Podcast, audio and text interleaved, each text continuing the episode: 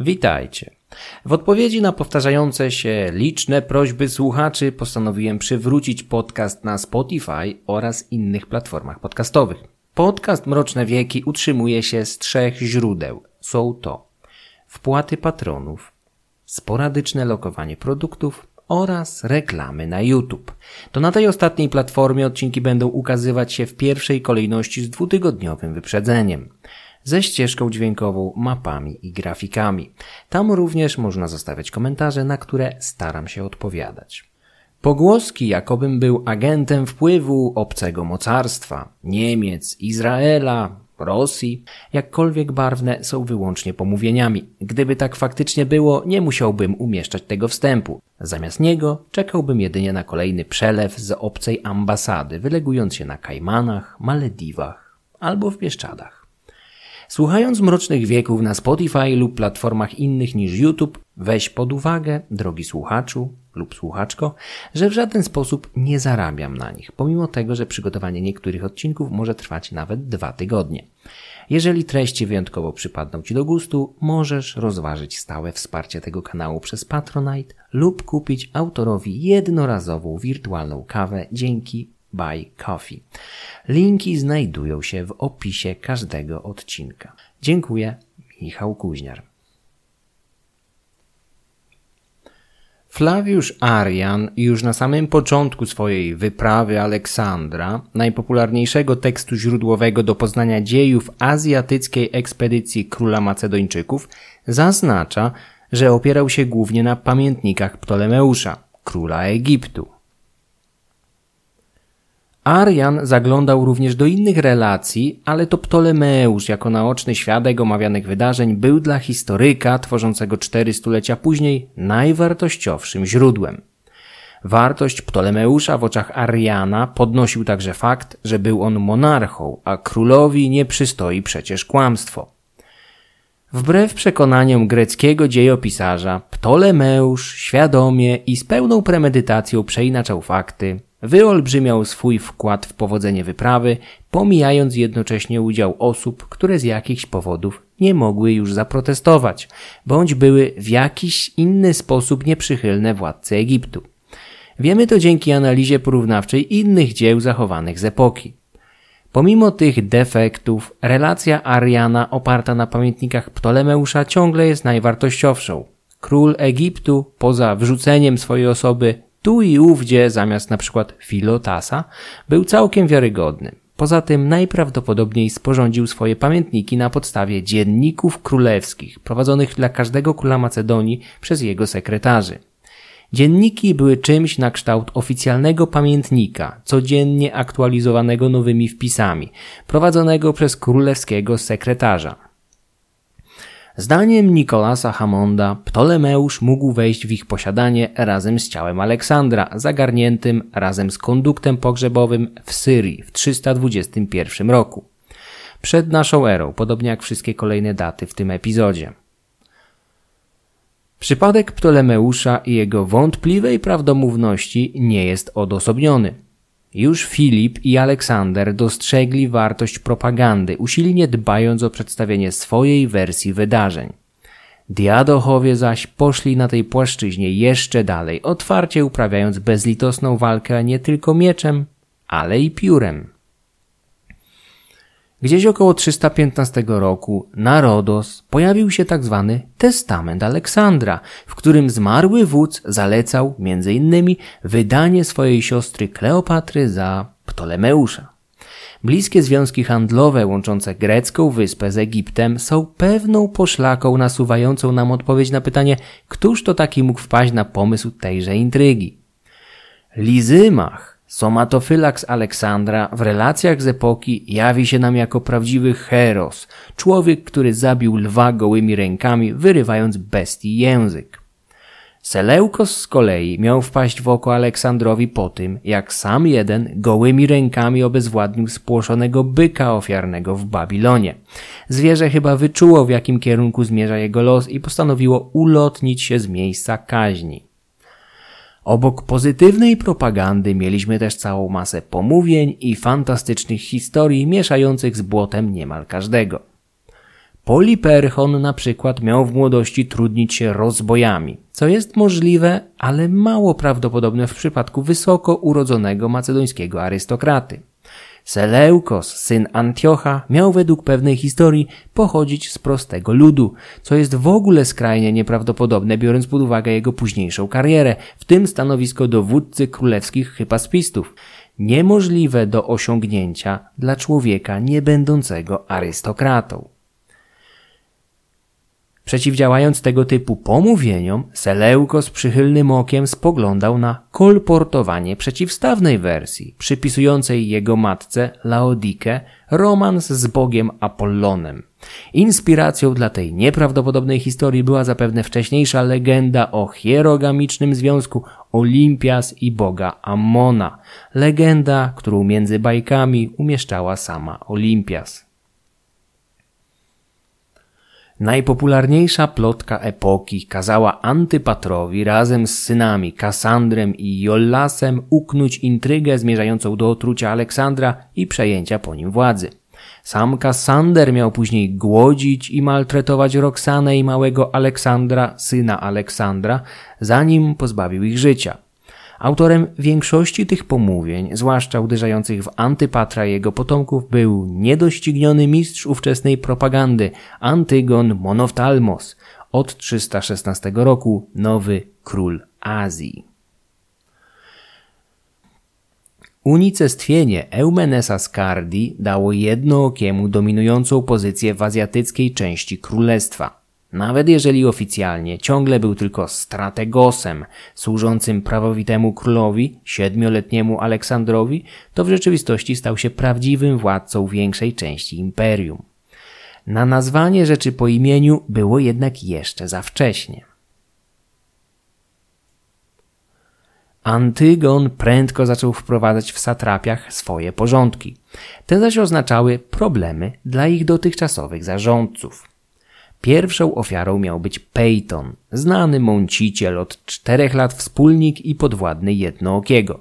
Szaleńczo odważny, inteligentny, przebiegły i popularny wśród żołnierzy. Peyton znany był także z wielkich ambicji i już kilkukrotnie starał się poszerzać swoje domeny w Medii, kosztem sąsiadów, z pogwałceniem wszelkich umów i praw królestwa.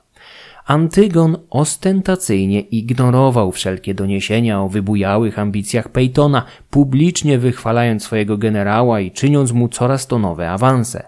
Usypiał tym samym jego czujność. Działał zresztą tak samo jak Aleksander, który będąc w Indiach podobnie ignorował wszelkie doniesienia o nieprawidłowościach w dalekich satrapiach. Obaj wiedzieli, że podjęcie działań zbyt szybko, gdy jest się daleko, może skłonić podejrzanego satrapę do ucieczki lub podniesienia buntu.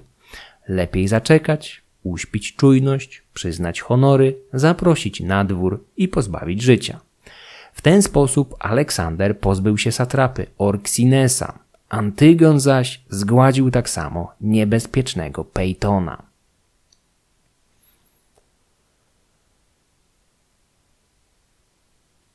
Po satrapie Medii wzrok jednookiego spoczął na Pełkestasie, nazbyt popularnym w swojej Persydzie. Antygon nie chciał pozbawiać go życia. Dawny ochroniarz Aleksandra nie był równym zagrożeniem co Peyton. Pełkestas otrzymał jednak ultimatum. Miał opuścić Persydę. Rdzenni Persowie, wśród których ich satrapa cieszył się wielką popularnością, energicznie zaprotestowali. Nie chcieli innego zarządcy. Ten nauczył się ich języka, przywdział ich strój, szanował lokalne zwyczaje, uległ po prostu iranizacji. Antygon, zmęczony pretensjami delegacji perskich nobilów, kazał bez ceregieli ściąć najbardziej znaczącego z nich. Reszta prędko zrozumiała, że jeśli jednooki może od tak pozbyć się przywódcy całego poselstwa, to nikt nie może być pewien zachowania życia. Persowie poddali się, Pełkestas opuścił Persydę i dołączył do dworu Antygonidów, gdzie spędził następne lata, nie wyróżniając się niczym szczególnym. Bardzo możliwe jednak, że wielokrotnie mógł błyszczeć, kolejny raz opowiadając jak to wiele lat temu w fortecy dzikich Mallów to on zasłonił tarczą Ateny Aleksandra, gdy ten, ogłuszony i ze strzału sterczącą z klatki piersiowej, słaniał się na własnych nogach. Po Pełkestasie nadeszła kolejna Seleukosa, satrapę Babilonii, najbogatszej prowincji imperium. Tutaj scenariusz był ten sam. Seleukos rządził satrapią od czterech lat. Współpraca z miejscową ludnością układała mu się bardzo dobrze. Cieszył się wielką popularnością, był więc dla Antygona poważnym zagrożeniem. Jako jeden z młodszych diadochów nie zdążył się wsławić większymi osiągnięciami podczas wyprawy azjatyckiej, gdzie zaczął błyszczeć dopiero w jej końcowych etapach. Władzę w Babilonii otrzymał dzięki udziale w morderstwie Perdikasa. Słynął z nieprzeciętnej siły i odwagi. Uchodził także za stosunkowo uczciwego. Dbał o przyjaciół i ludzi, którzy wyświadczyli mu przysługi. Wydarzenia kolejnych lat miały potwierdzić te cechy charakteru. Antygon przybył do Babilonii ze zmęczoną armią wracającą ze wschodu, spod Gabienę. Seleukos ugościł go z królewską pompą, co tylko pozornie było dobrym pomysłem. Jednooki domagał się wydania mu skarbów z Suzy, rzekomo na opłacenie zaległego żołdu dla armii, która przez tak długi czas walczyła ze skazanym na śmierć buntownikiem, Eumenesem. Seleukos nie opierał się. Skarbce otworzono, zaś ludzie jednookiego ogołocili je kompletnie, znajdując w środku rzekomo 25 tysięcy talentów. Wśród kosztowności, które na grzbietach mułów i wielbłądów opuściły wówczas skarbiec z Suzy, były dzieła sztuki takie jak licząca 200 lat złota winorośl podarowana królowi Persji Dariuszowi I przez jakiegoś wybitnego greckiego rzemieślnika. Bezcenny skarb, podziwiany przez wszystkich, którzy mieli okazję go zobaczyć na własne oczy, przetrwał wiele historycznych zawieruch, w tym podbój Aleksandra. Po raz ostatni widziano ową złotą winorośl na grzbiecie zwierząt pociągowych. Prawdopodobnie przetopiono ją wkrótce później, aby opłacić kolejną wielką armię walczącą o ziemię, bogactwa i chwałę Antygona.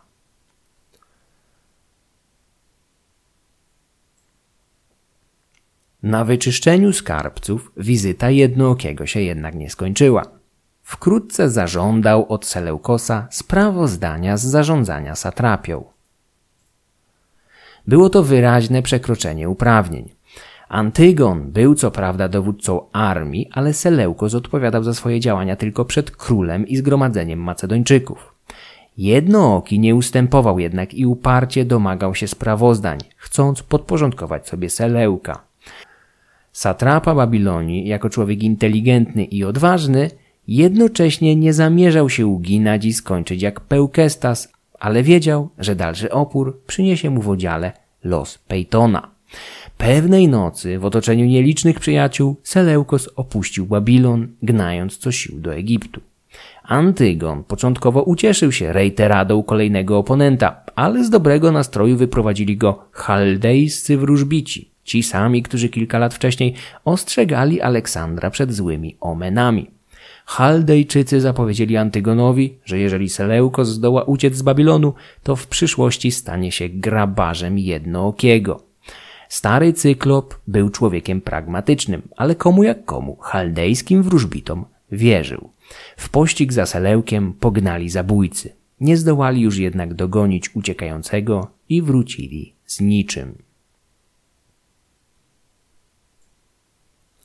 Historia zatoczyła koło i to całkiem szybko.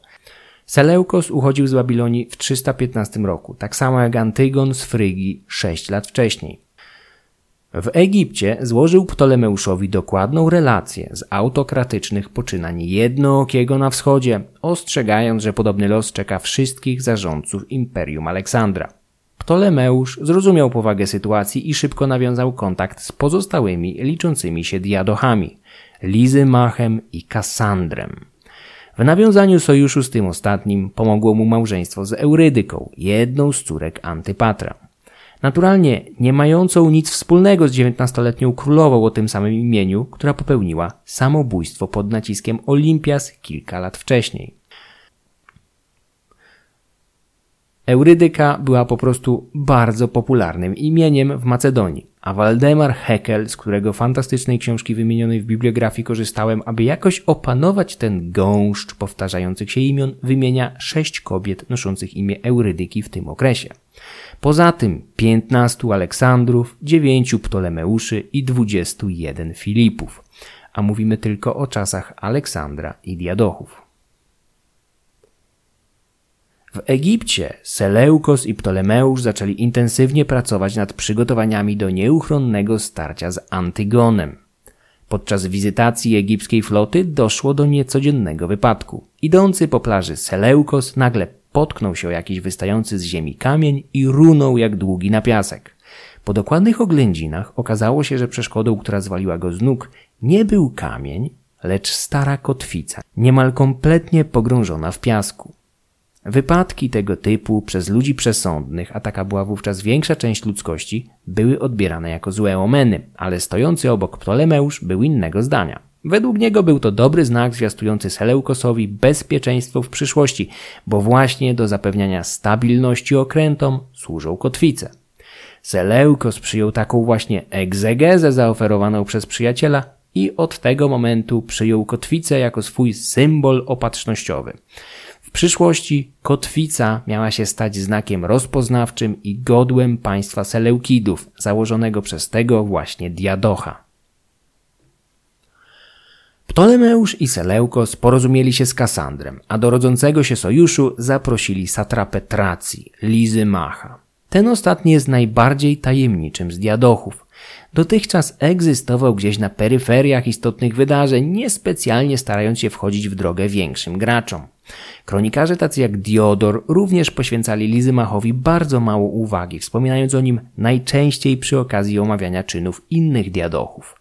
Władca Tracji był jednak postacią bardzo barwną i niejednoznaczną. Pochodził z zamożnej rodziny posiadaczy ziemskich ale jego ojciec, Agatokles, mógł być Grekiem, który obywatelstwo Macedonii otrzymał dopiero od Filipa II. Podobnie jak w przypadku większości diadochów, nie wiemy z pewnością kiedy przyszedł na świat Lizymach. W ogóle wiek następców Aleksandra najczęściej poznajemy dzięki wzmiankom mówiącym ile lat mieli w chwili śmierci. Relacje takie najczęściej różnią się między sobą, niejednokrotnie o 10 lub więcej lat. Czołowi diadochowie Aleksandra, z wyjątkiem dręczonego chorobami Kassandra, okazali się ludźmi nieprzeciętnie wytrzymałymi. Każdy z nich przeżył ponad 70 lat, niektórzy ponad 80. Dla przykładu, Antygon Jednooki miał w chwili śmierci mieć 81 lub 86 lat. Dlatego też nie spodziewajcie się, że wojny diadochów prędko się skończą. Ci zgryźliwi tetrycy będą energicznie skakać sobie do gardeł, prowadząc armię, w których maszerować będą ich dzieci i dorosłe wnuki. A może nawet jakiś prawnuk się trafi. Lizymach przeszedł całą azjatycką wyprawę u boku swojego młodego króla. Prędko odznaczył się odwagą, lojalnością i nieprzeciętną siłą. Aleksander, będąc pod wrażeniem talentów młodzieńca, dołączył go do grona swoich prywatnych ochroniarzy. Syn Agatoklesa miał jednak podpaść swojemu królowi, za co ten wtrącił go bezbronnego do klatki z żywym lwem. Według jednej z wersji, Lizymach miał podczas polowania zabić przed Aleksandrem właśnie drapieżnego kota, którego upatrzył sobie król. Według innej miał dostarczyć truciznę Kalistenesowi, historykowi ekspedycji, który wypadł z łask króla, a w końcu został oskarżony o udział w spisku na jego życie. Lizymach, wielce interesujący się filozofią, miał przyjaźnić się z Kalistenesem i nie mógł obojętnie patrzeć, gdy siostrzeniec Arystotelesa był wleczony za armią w jakiejś klatce niczym dzikie zwierzę. Somatofylaks miał zakończyć męki Greka, podając mu przemyconą w tym celu truciznę. Sprawa miała się jednak wydać, a wściekły Aleksander ukarał Lizymacha wtrąceniem do klatki z głodnym lwem. Młody somatofylaks wyszedł jednak z tej opresji obronną ręką, zabijając zwierzę gołymi rękami. Miał podobno wyrwać lwu język. Aleksander pod wrażeniem takiego nieprawdopodobnego pokazu męstwa i siły od razu łaskawił Lizymacha, obsypując go honorami. Kto jak kto, ale człowiek wyrywający język lwu na macedońskim dworze nie mógł się zmarnować. Oczywiście historia może i prawdopodobnie jest nieco przesadzona albo grubo, ale Lizymach z pewnością miał bliższe kontakty z dzikimi kotami, które nie poszły w całości po jego myśli. Już jako stary władca i niepodważalny król Tracji miał podczas rozmów z poselstwem Antygonidów bez skrępowania podwinąć swoją tunikę i odsłonić przed dyplomatami olbrzymie blizny na udach zadane mu przez pazury drapieżnika – Niezbici tym stropu posłowie mieli odpowiedzieć staremu królowi, że ich pan Demetriusz, syn jednookiego, również ma podobne blizny na szyi, zadane mu przez jego ulubioną kurtyzanę, Lamię. Władca Tracji prywatnie nienawidził dowcipnego Demetriusza, skorego do pokpiwania z jego autorytetu i kiedy tylko mógł, starał się zgotować mu zgubę, z wzajemnością zresztą. Lizymach, pamiętając swoją przygodę z dzikim kotem, miał podobnie ukarać jakiegoś oszczercę. Greka, który niepochlebnie wyszydził jego żonę. Dowcipnisia okaleczono, a następnie wtrącono do klatki z bestią. Nieszczęśnik nie zdołał wyrwać kotu języka. W ogóle wyginięcie lwów na Półwyspie Bałkańskim jakoś dziwnie zgrało się z objęciem władzy w Tracji przez Lizymacha. Pewnie dzikie koty prewencyjnie wyemigrowały, wiedząc z kim będą miały do czynienia. Nie wiem, czy jakiś badacz pochylił się już nad tą kwestią. Władca Tracji znany był z licznych mariaży, zawieranych praktycznie zawsze z powodów politycznych. Ich owocem było całe mnóstwo dzieci. Dokładnej liczby nie znamy, ale wiemy, że sam Lizymach zdążył przed śmiercią pochować 15 z nich, synów i córek zmarłych z różnych przyczyn. Ten twardy, ponury człowiek był ostatnim elementem w przymierzu tworzonym przez pozostałych diadochów. Strategiczne położenie Tracji pozwalało kontrolować ruch między dwoma kontynentami, czyniąc Lizymacha panem Hellespontu. Satrapa utrzymywał przez całe życie bardzo dobre relacje z Kassandrem. Obaj władcy potrzebowali siebie nawzajem i rozumieli to. Nowi sprzymierzeńcy graniczyli z olbrzymimi domenami Antygonidów od zachodu. Aby uniknąć niepotrzebnego rozlewu krwi, Lizymach, Kassander, Ptolemeusz i Seleukos nawiązali rozmowy z Jednookim, domagając się od niego ustępstw terytorialnych i podzielenia się łupami zdobytymi na Eumenesie oraz w splądrowanych azjatyckich skarbcach, np. w Suzie. Diadochowie uzasadniali swoje pretensje sojuszem, który mieli z Antygonem w czasie jego wojen przeciwko Eumenesowi. Ich zdaniem Jednooki powinien podzielić się zdobyczami z sojusznikami. Antygon był jednak innego zdania. Gdyby zaakceptował roszczenia terytorialne pozostałych diadochów, domagających się oddania im prawie całej Azji Mniejszej i cele Syrii, zostałby odcięty tak od Morza Śródziemnego jak Czarnego. W efekcie straciłby sporą część wpływów z handlu morskiego oraz łatwy dostęp do zachodnich rynków najemników, szczególnie tych z Hellady. Kolejna, trzecia już wojna diadochów była nieunikniona.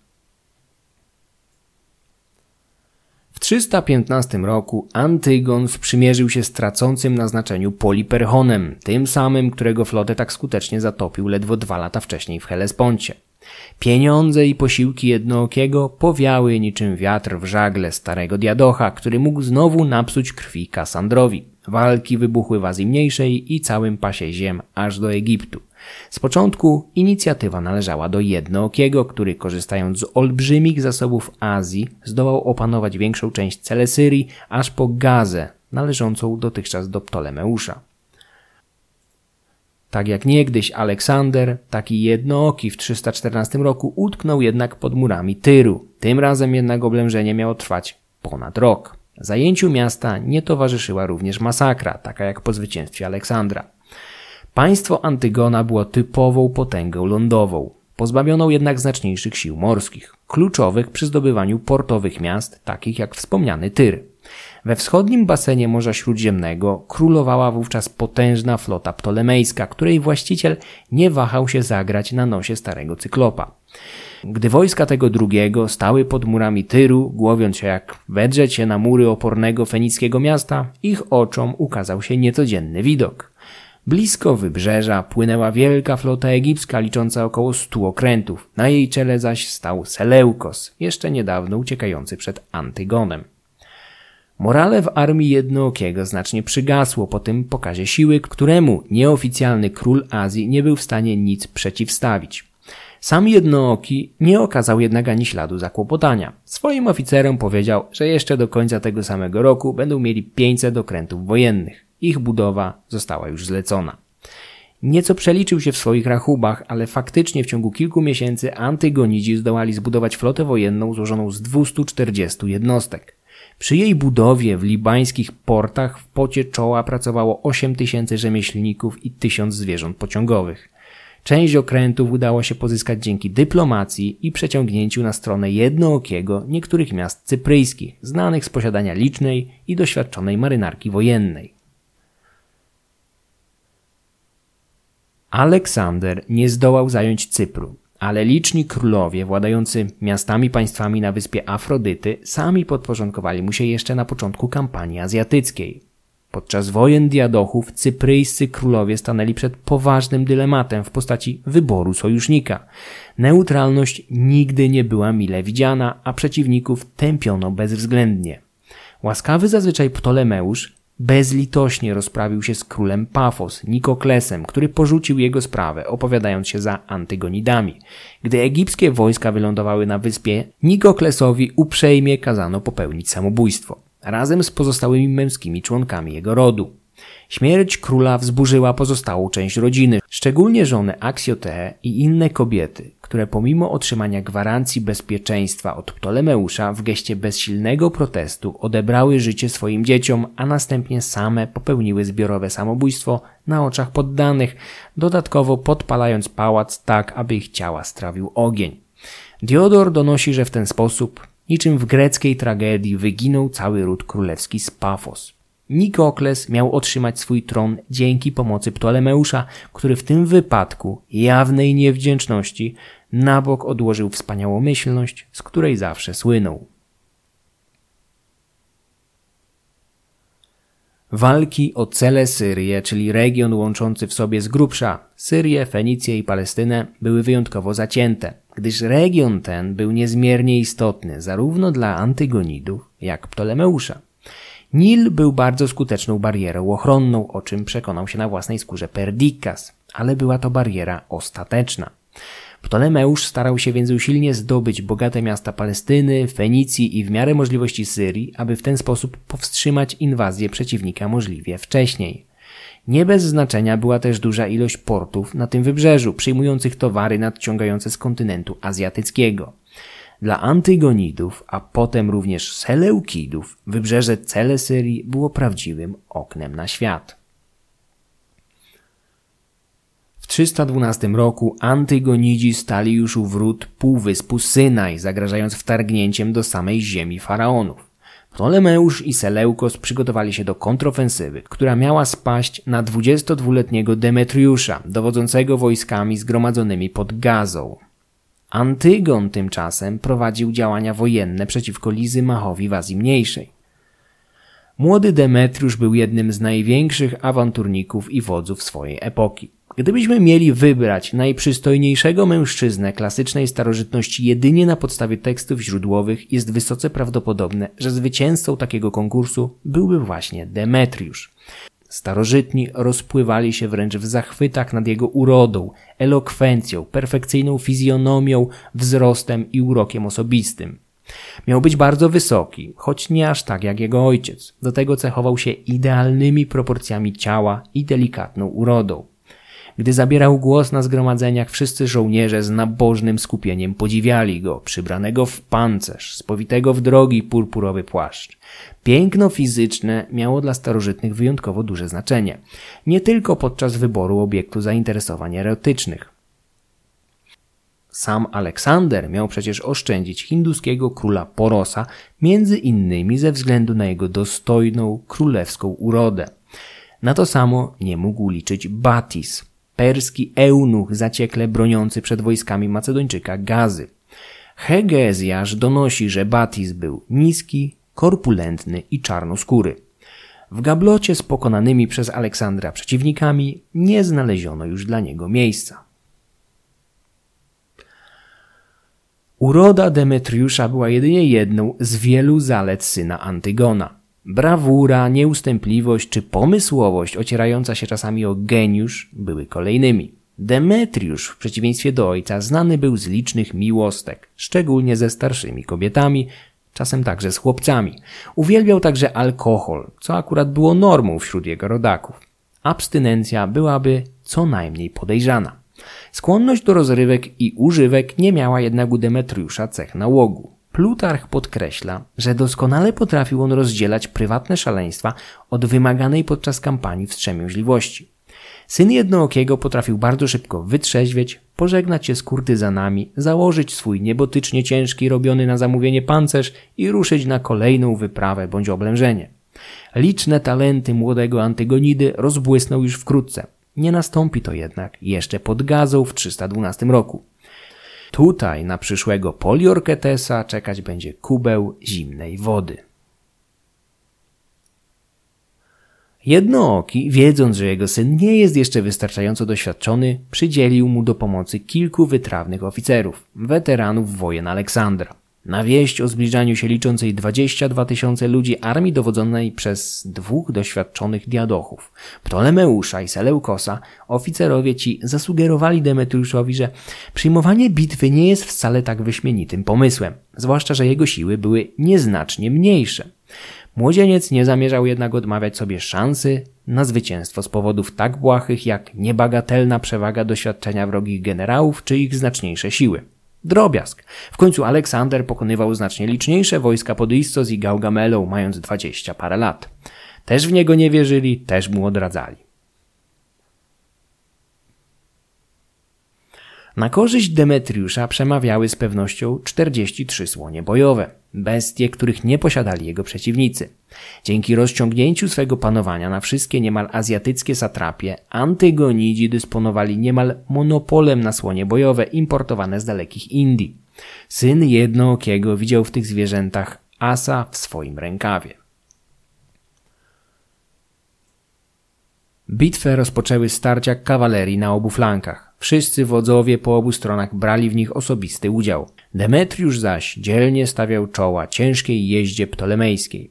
W pewnym momencie na jego rozkaz do walki włączyły się słonie bojowe maszerujące razem z lekkozbrojnymi, którzy ubezpieczali je niczym piechurzy czołgi w dwudziestowiecznych konfliktach.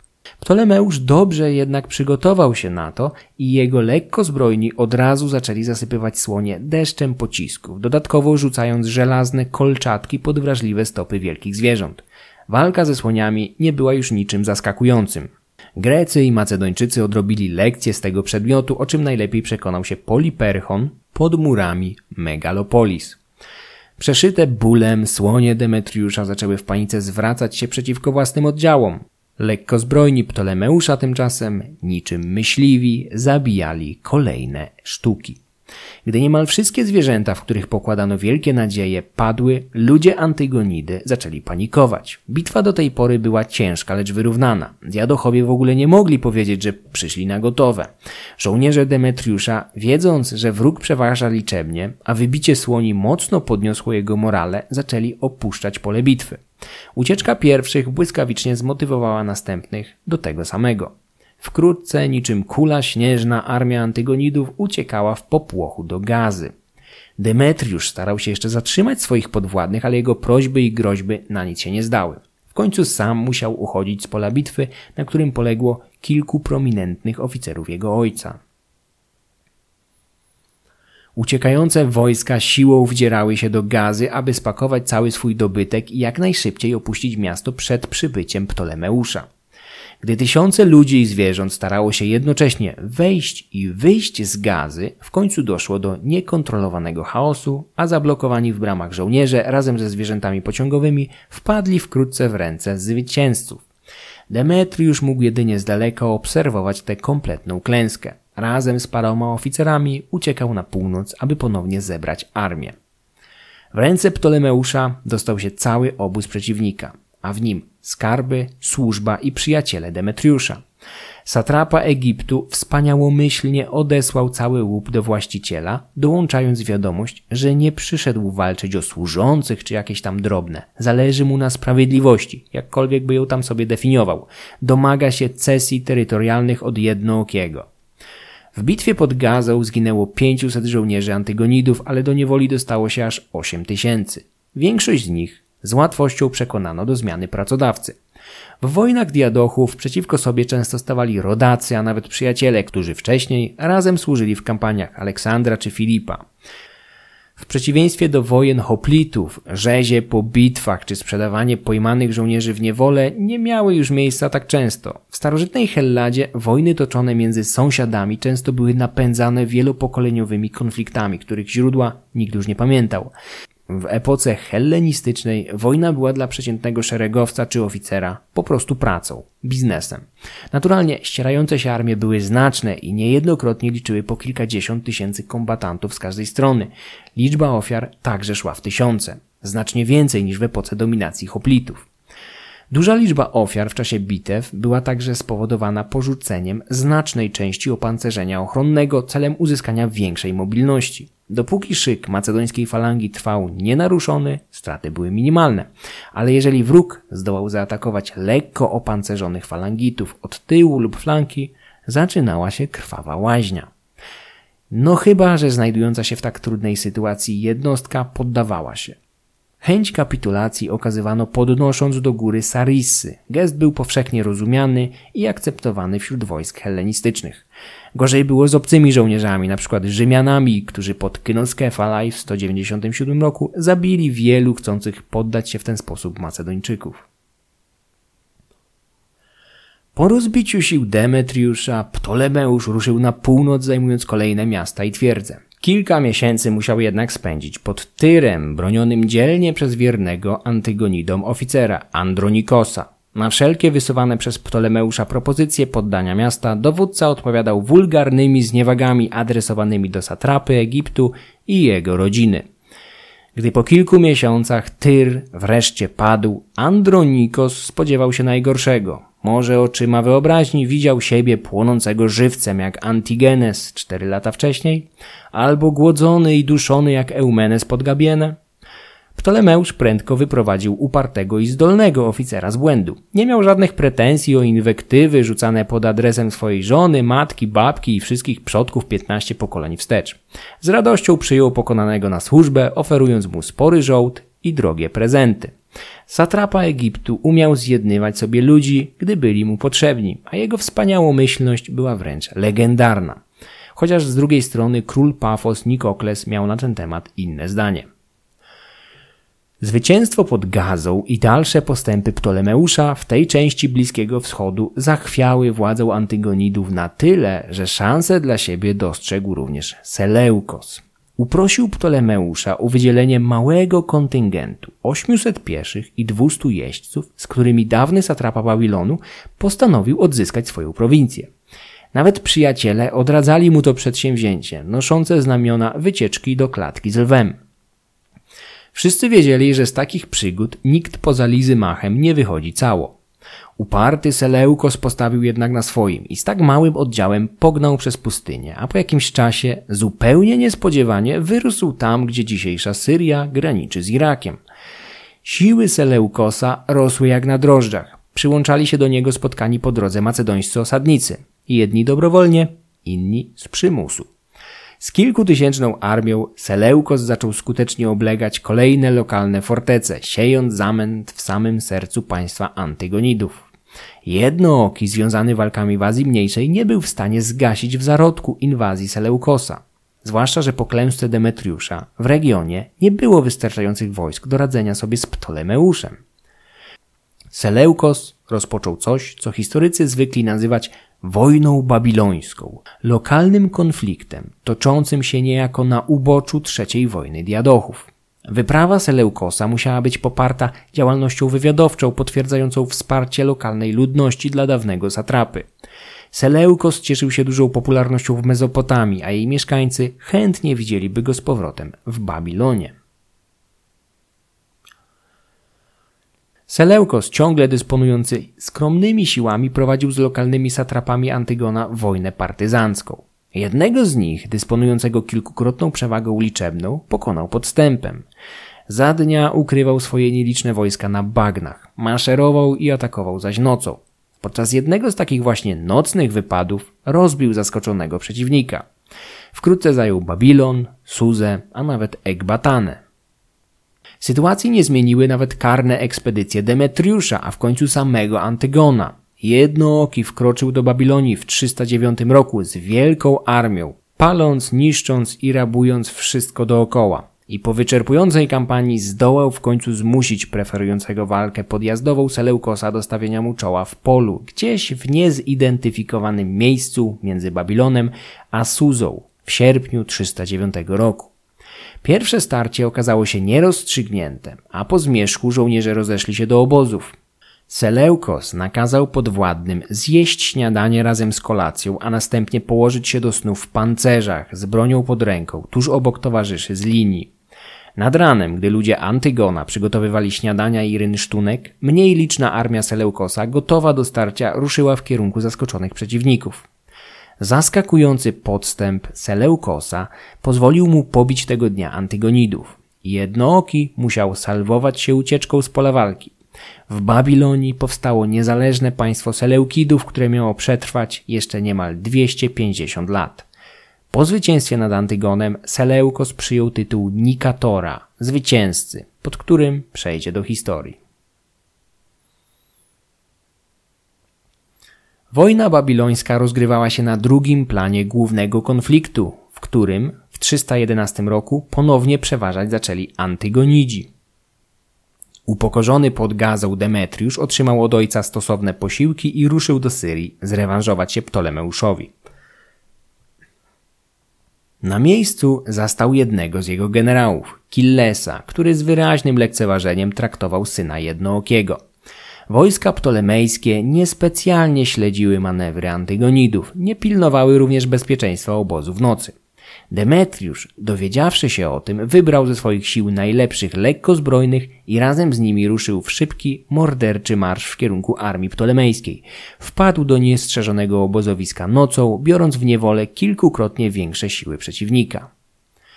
Antygon, dowiedziawszy się o sukcesie ukochanego potomka, wprost kipiał z radości i ojcowskiej dumy. Głośno obwieścił, że Demetriusz, samodzielnie rewanżując się przeciwnikowi za poprzednią klęskę, wreszcie zasłużył sobie na bycie władcą. Syn jednookiego nie chciał jednak poprzestać na tym. Pamiętał, że Ptolemeusz po triumfie pod Gazą odesłał mu jego dobytek, służbę i przyjaciół, czyniąc go w pewien sposób swoim dłużnikiem. Demetriusz po otrzymaniu zgody Antygona zrewanżował się władcy Egiptu podobnym gestem, odsyłając mu wziętych do niewoli oficerów i oczywiście Killesa. Na drogę wręczył im jeszcze cenne podarunki. W toku kolejnych miesięcy Antygonidzi zdołali wyprzeć przeciwników z Celesyrii i ponownie stanąć w gazie. Antygon, zajęty walkami w Babilonii i Azji Mniejszej, wpadł wówczas na pomysł łatwego podreperowania budżetu. Nakazał Atenaiosowi, jednemu z zaufanych oficerów dokonać niespodziewanej inwazji na Petrę, stolicę arabskich Nabatejczyków, mających swoje pustynne państewko na terenie dzisiejszej Jordanii. Wywiad jednookiego doniósł, że w określonym czasie duża część nabatejskich mężczyzn będzie nieobecna w mieście z powodu uczestnictwa w jakimś dorocznym festiwalu religijnym. Atenaios ruszył w kierunku Petry, prowadząc 4000 piechurów i 600 jeźdźców. Po kilkudniowym marszu spadł na zaskoczone miasto wykute w skale i szybko złamał opór nielicznych pozostałych na miejscu wojowników. Łupem Antygonidów padła duża część cywilnej populacji, stada zwierząt i skarby nagromadzone przez Nabatejczyków. Obciążeni zdobyczą Macedończycy ruszyli powoli w drogę powrotną. Atenaios nie docenił pokonanych, a zwłaszcza szybkości, z jaką potrafią przekazywać informacje i wędrować po pustyni. Jego ludzie również nie spodziewali się przybycia odsieczy. Byli pewni, że zanim Nabatejczycy zdołają się zorganizować, oni będą już dawno u siebie.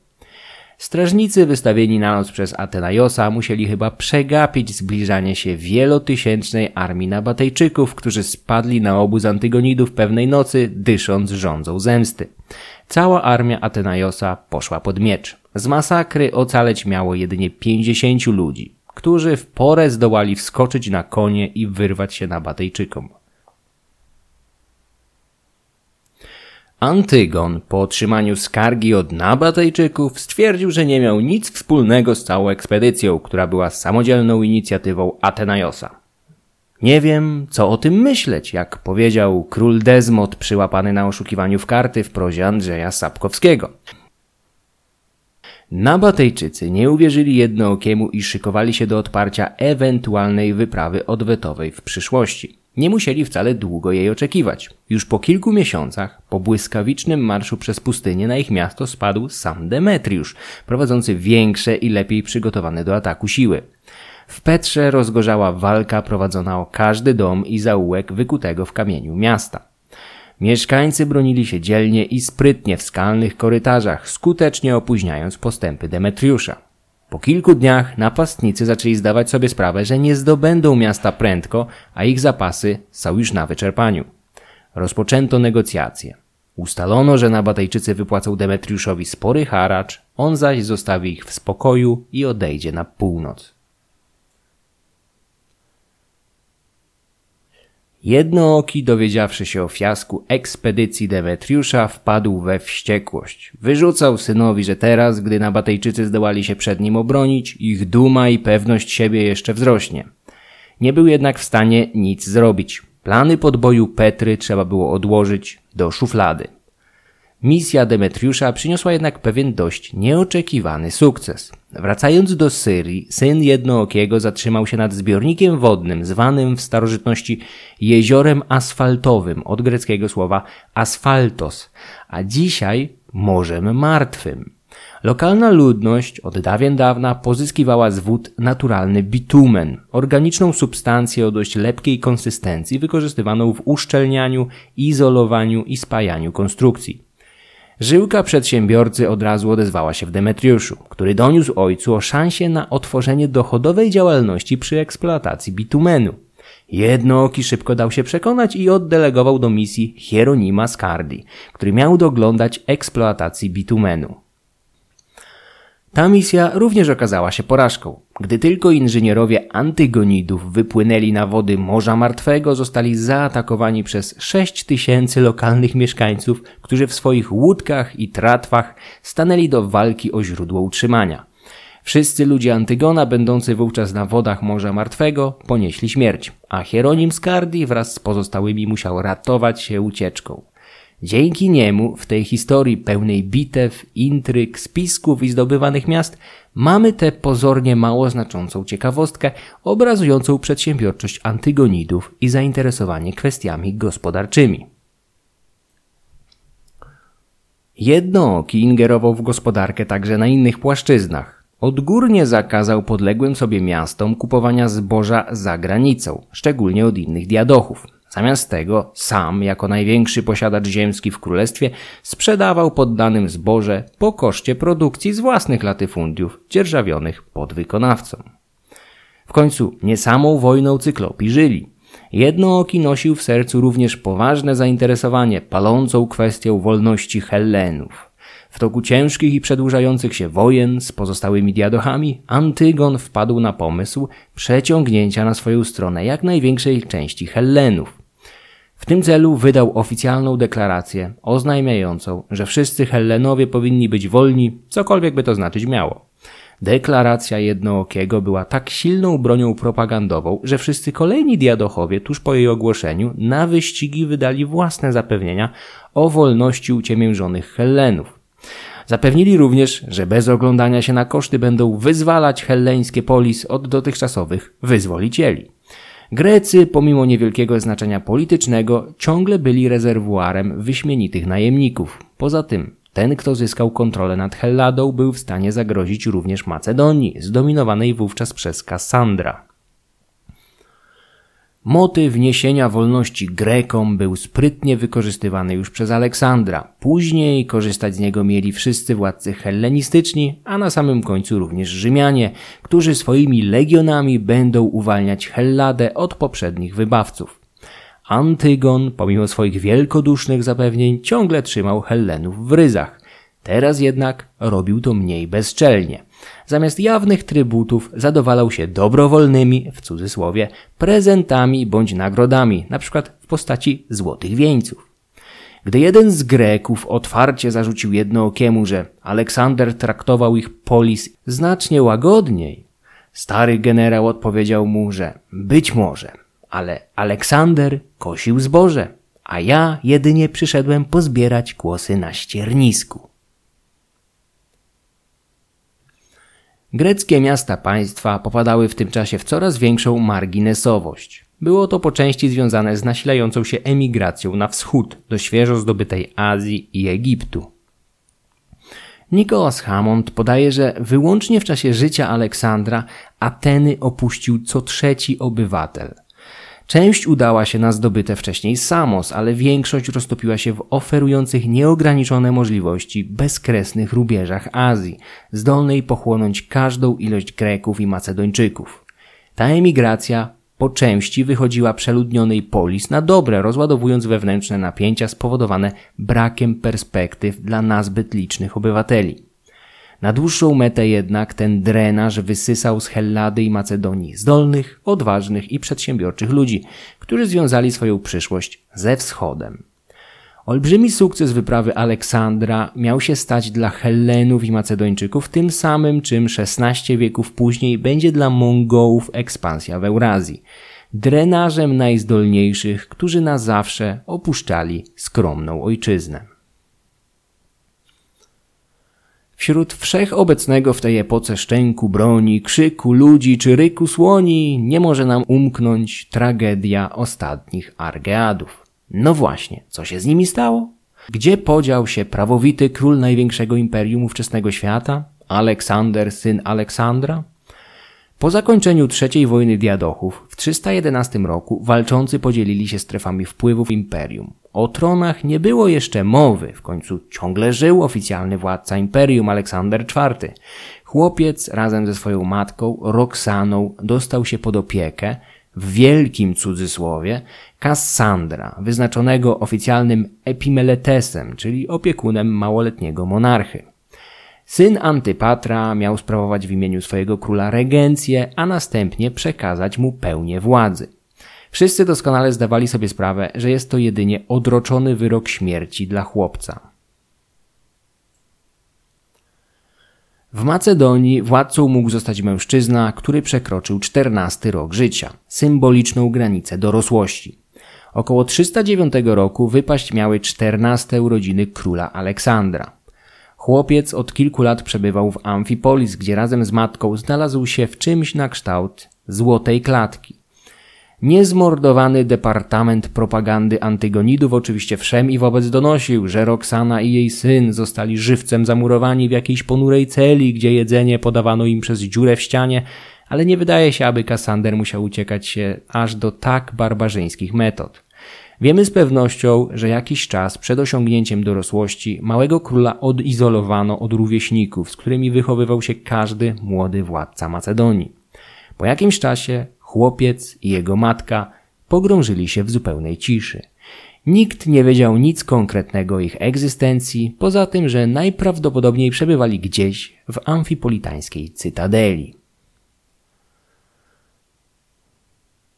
Według Diodora, tuż przed czternastymi urodzinami Aleksandra, syna Aleksandra, jego prawny opiekun wysłał swojego oficera Glaukiasa z rozkazem zgładzenia problematycznego królewiątka i jego matki.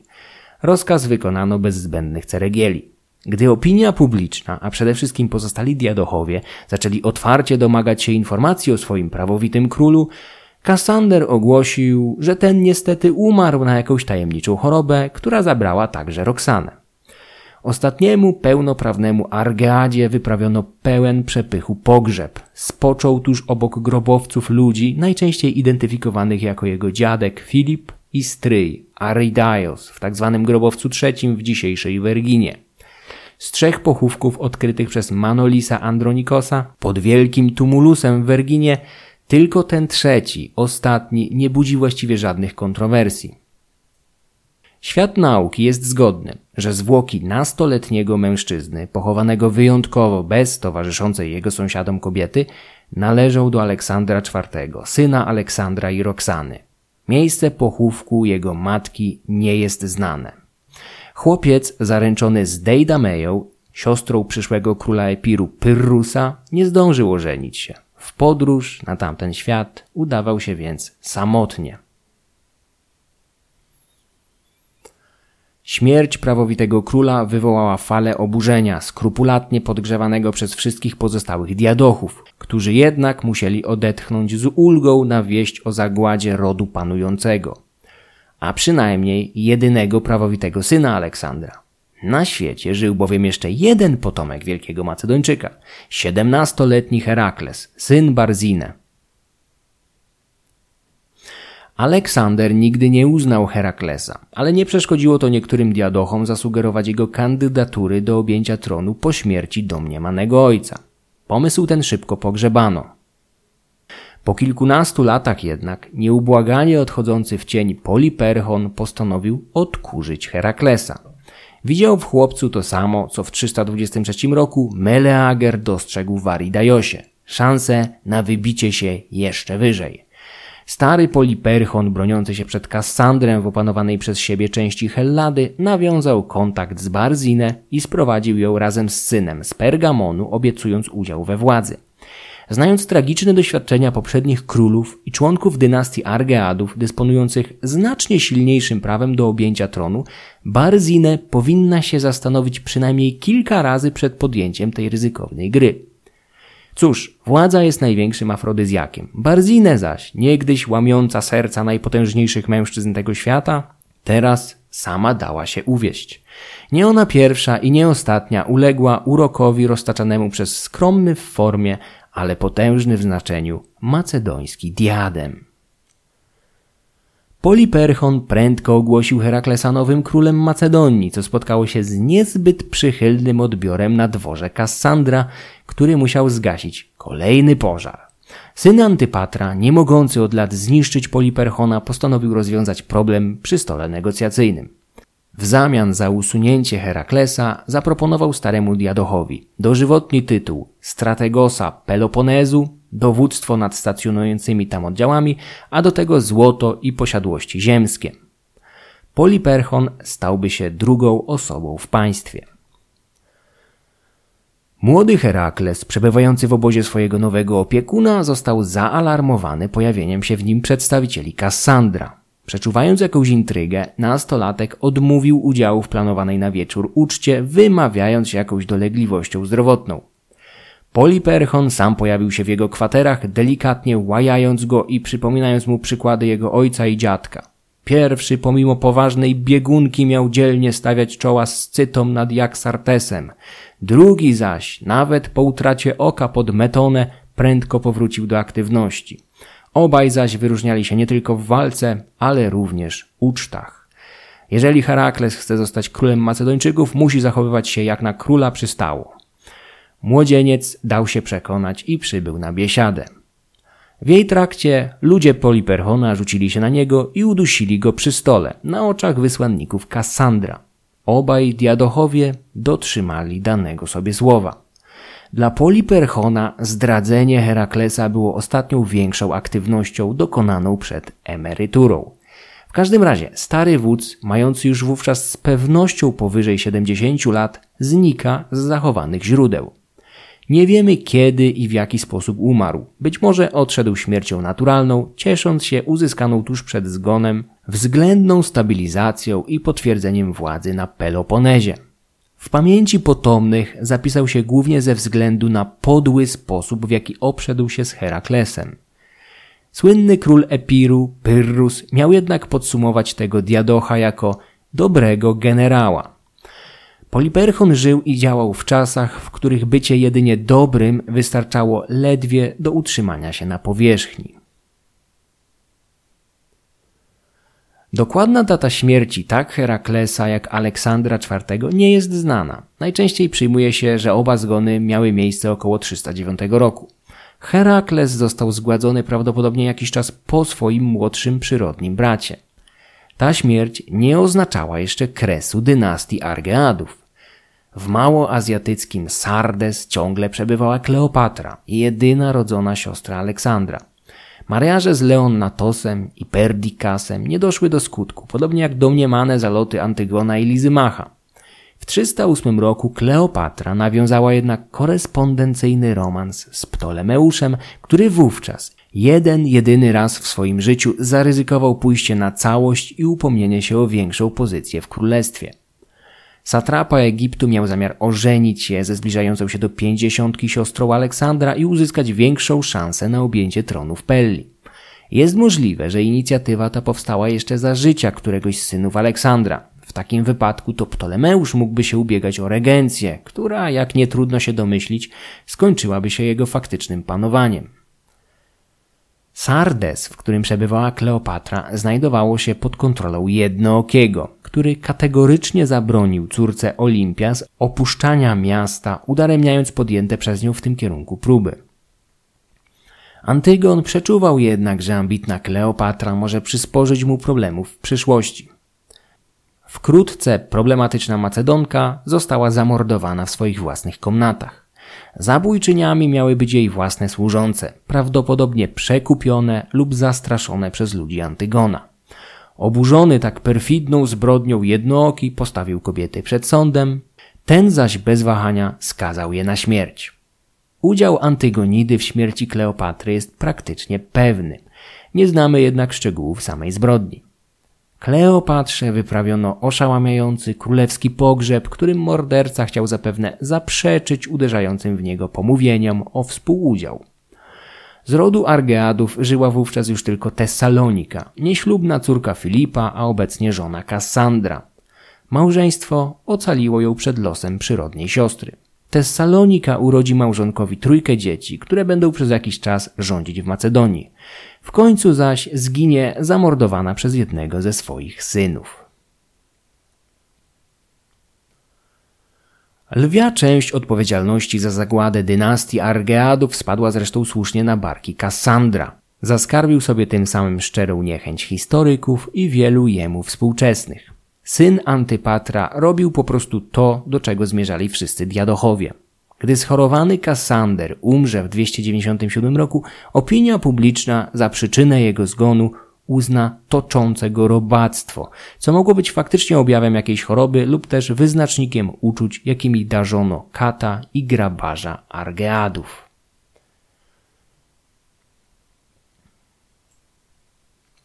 Wśród tego ponurego pogorzeliska ludzkich tragedii i wszechobecnej zbrodni dochodziło czasami do jaśniejszych przejawów egzystencji.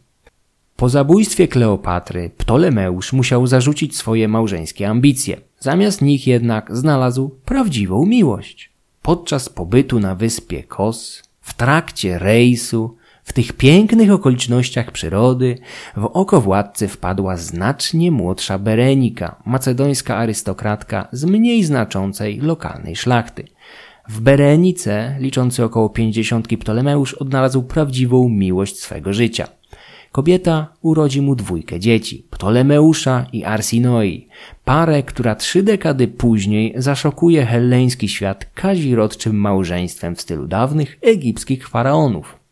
Stary Ptolemeusz będzie faworyzował dzieci z tego związku, co oczywiście doprowadzi do poważnych konfliktów w obrębie rodziny. Maleńki syn Bereniki, przyszły Ptolemeusz II Filadelfos, z czasem wygryzie z dziedzictwa swojego starszego przyrodniego brata, Ptolemeusza Keraunosa. Sama zaś Berenika zajmie miejsce Eurydyki, poprzedniej małżonki Ptolemeusza. Wydziedziczenie Keraunosa i jego późniejsza tułaczka przysporzy jeszcze licznych problemów sąsiednim dynastiom, a jednemu z diadochów skrytobójczą śmierć. Tak to już było z tymi diadochami. Niczym słonie w składzie porcelany, nawet gdy się w kimś szczerze zakochali, generowali tylko kolejne dramaty i tragedie. Pokój zawarty w 311 roku między Kassandrem, Ptolemeuszem i Lizymachem z jednej, a jednookim z drugiej strony nie uwzględniał Seleukosa, toczącego zawziętą partyzancką wojnę z Antygonidami w Babilonii. Pomimo porzucenia przez sojuszników, Seleukos zdołał odnieść dwa lata później ostateczne zwycięstwo, o czym wspominałem wcześniej. Antygonidzi nie mogli być zadowoleni z efektów tego starcia, lecz musieli się pogodzić z utratą wschodnich satrapii. Seleukos bowiem po zajęciu Babilonii, Medii i Elamu odciął je od Antygona i stopniowo przejął w nich kontrolę, docierając w końcu aż nad Indus. W kolejnych latach był rzadko obecny w polityce pozostałych diadochów, stanął bowiem przed niespodziewanym wyzwaniem ze wschodu. Gdy na Bliskim Wschodzie toczyły się zacięte wojny między diadochami, najbardziej na wschód wysunięte satrapie zostały zagarnięte przez wojska hinduskiego imperium Maurjów, któremu przewodził jego założyciel Chandragupta. W toku wieloletnich kampanii Chandragupta zdołał obalić potężne niegdyś imperium Nandów, to samo, którego licznych słoni przestraszyli się nad Hyfasisem żołnierze Aleksandra. Po podporządkowaniu sobie dużej części Półwyspu Indyjskiego, Chandragupta ruszył na wschód, wchodząc w konflikt z państwem Seleukosa. Najmłodszy z diadochów musiał ruszyć na wschód, aby odzyskać utracone prowincje i zabezpieczyć granice z Mauriami. Trwająca dwa lata wojna nie przebiegła jednak po myśli Seleukosa, który co prawda przekroczył Indus, ale wkrótce musiał się wycofać pod naporem sił Chandragupty. Nie wiemy o żadnych wielkich bitwach toczonych podczas tej wojny, ale pokój zawarty między przeciwnikami w 303 roku wyraźnie wskazywał na zwycięzcę.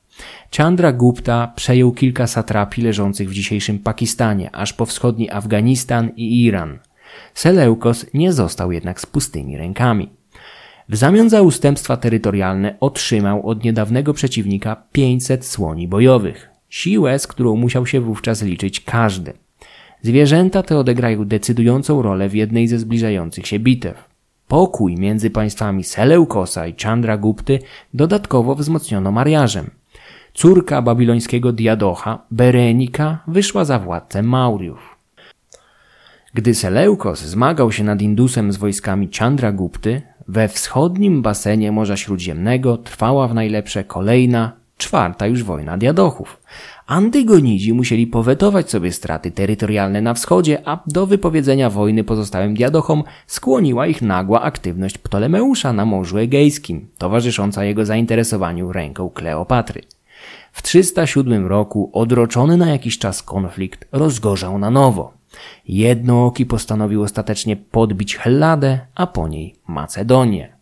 Głównym wykonawcą planów ojca miał być oczywiście młody Demetriusz, wówczas uchodzący już za jednego z najzdolniejszych wodzów epoki.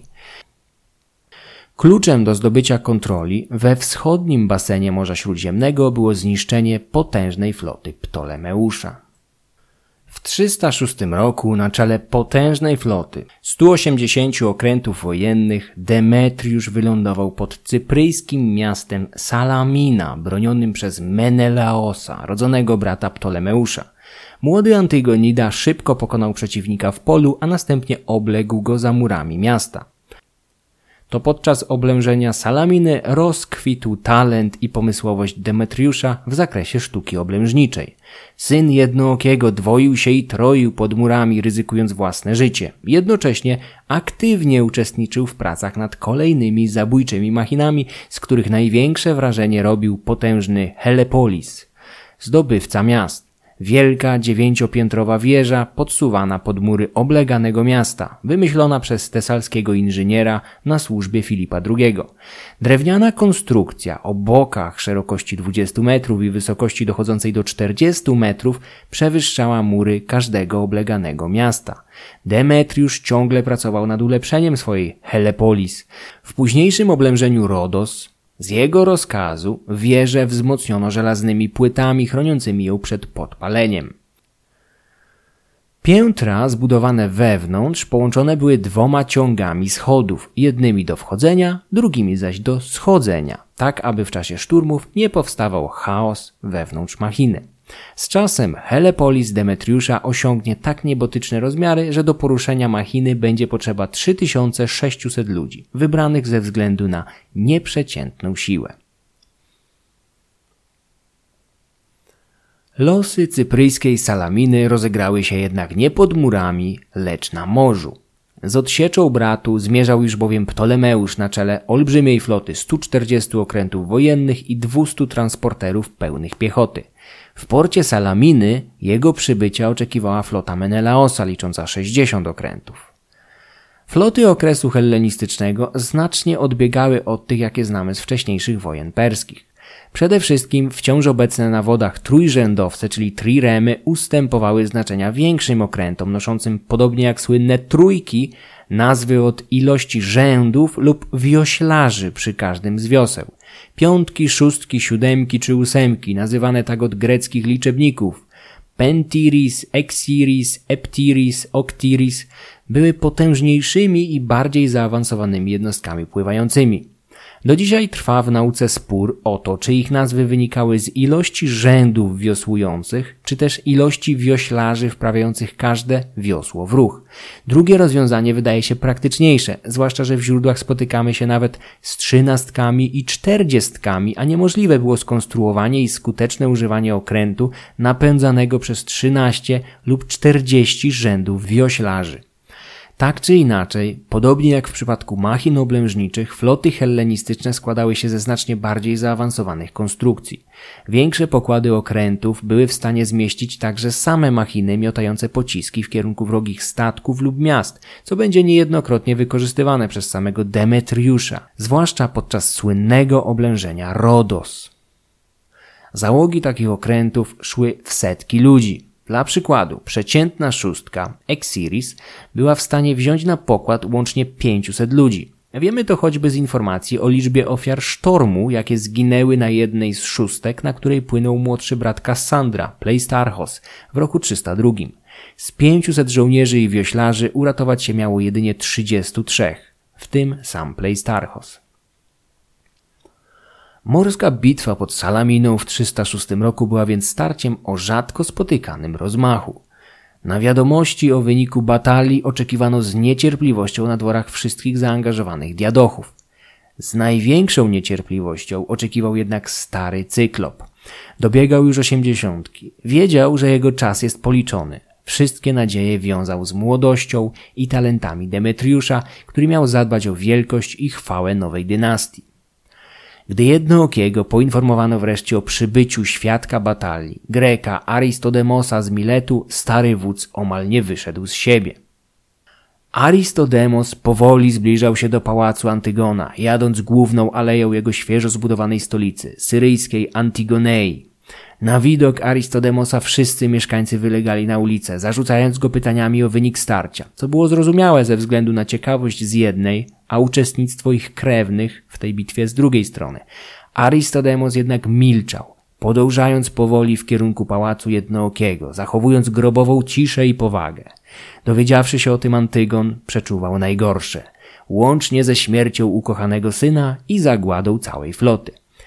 Napięcie w otoczeniu jednookiego stężało do tego stopnia, że powietrze można było kroić nożem, jak ser.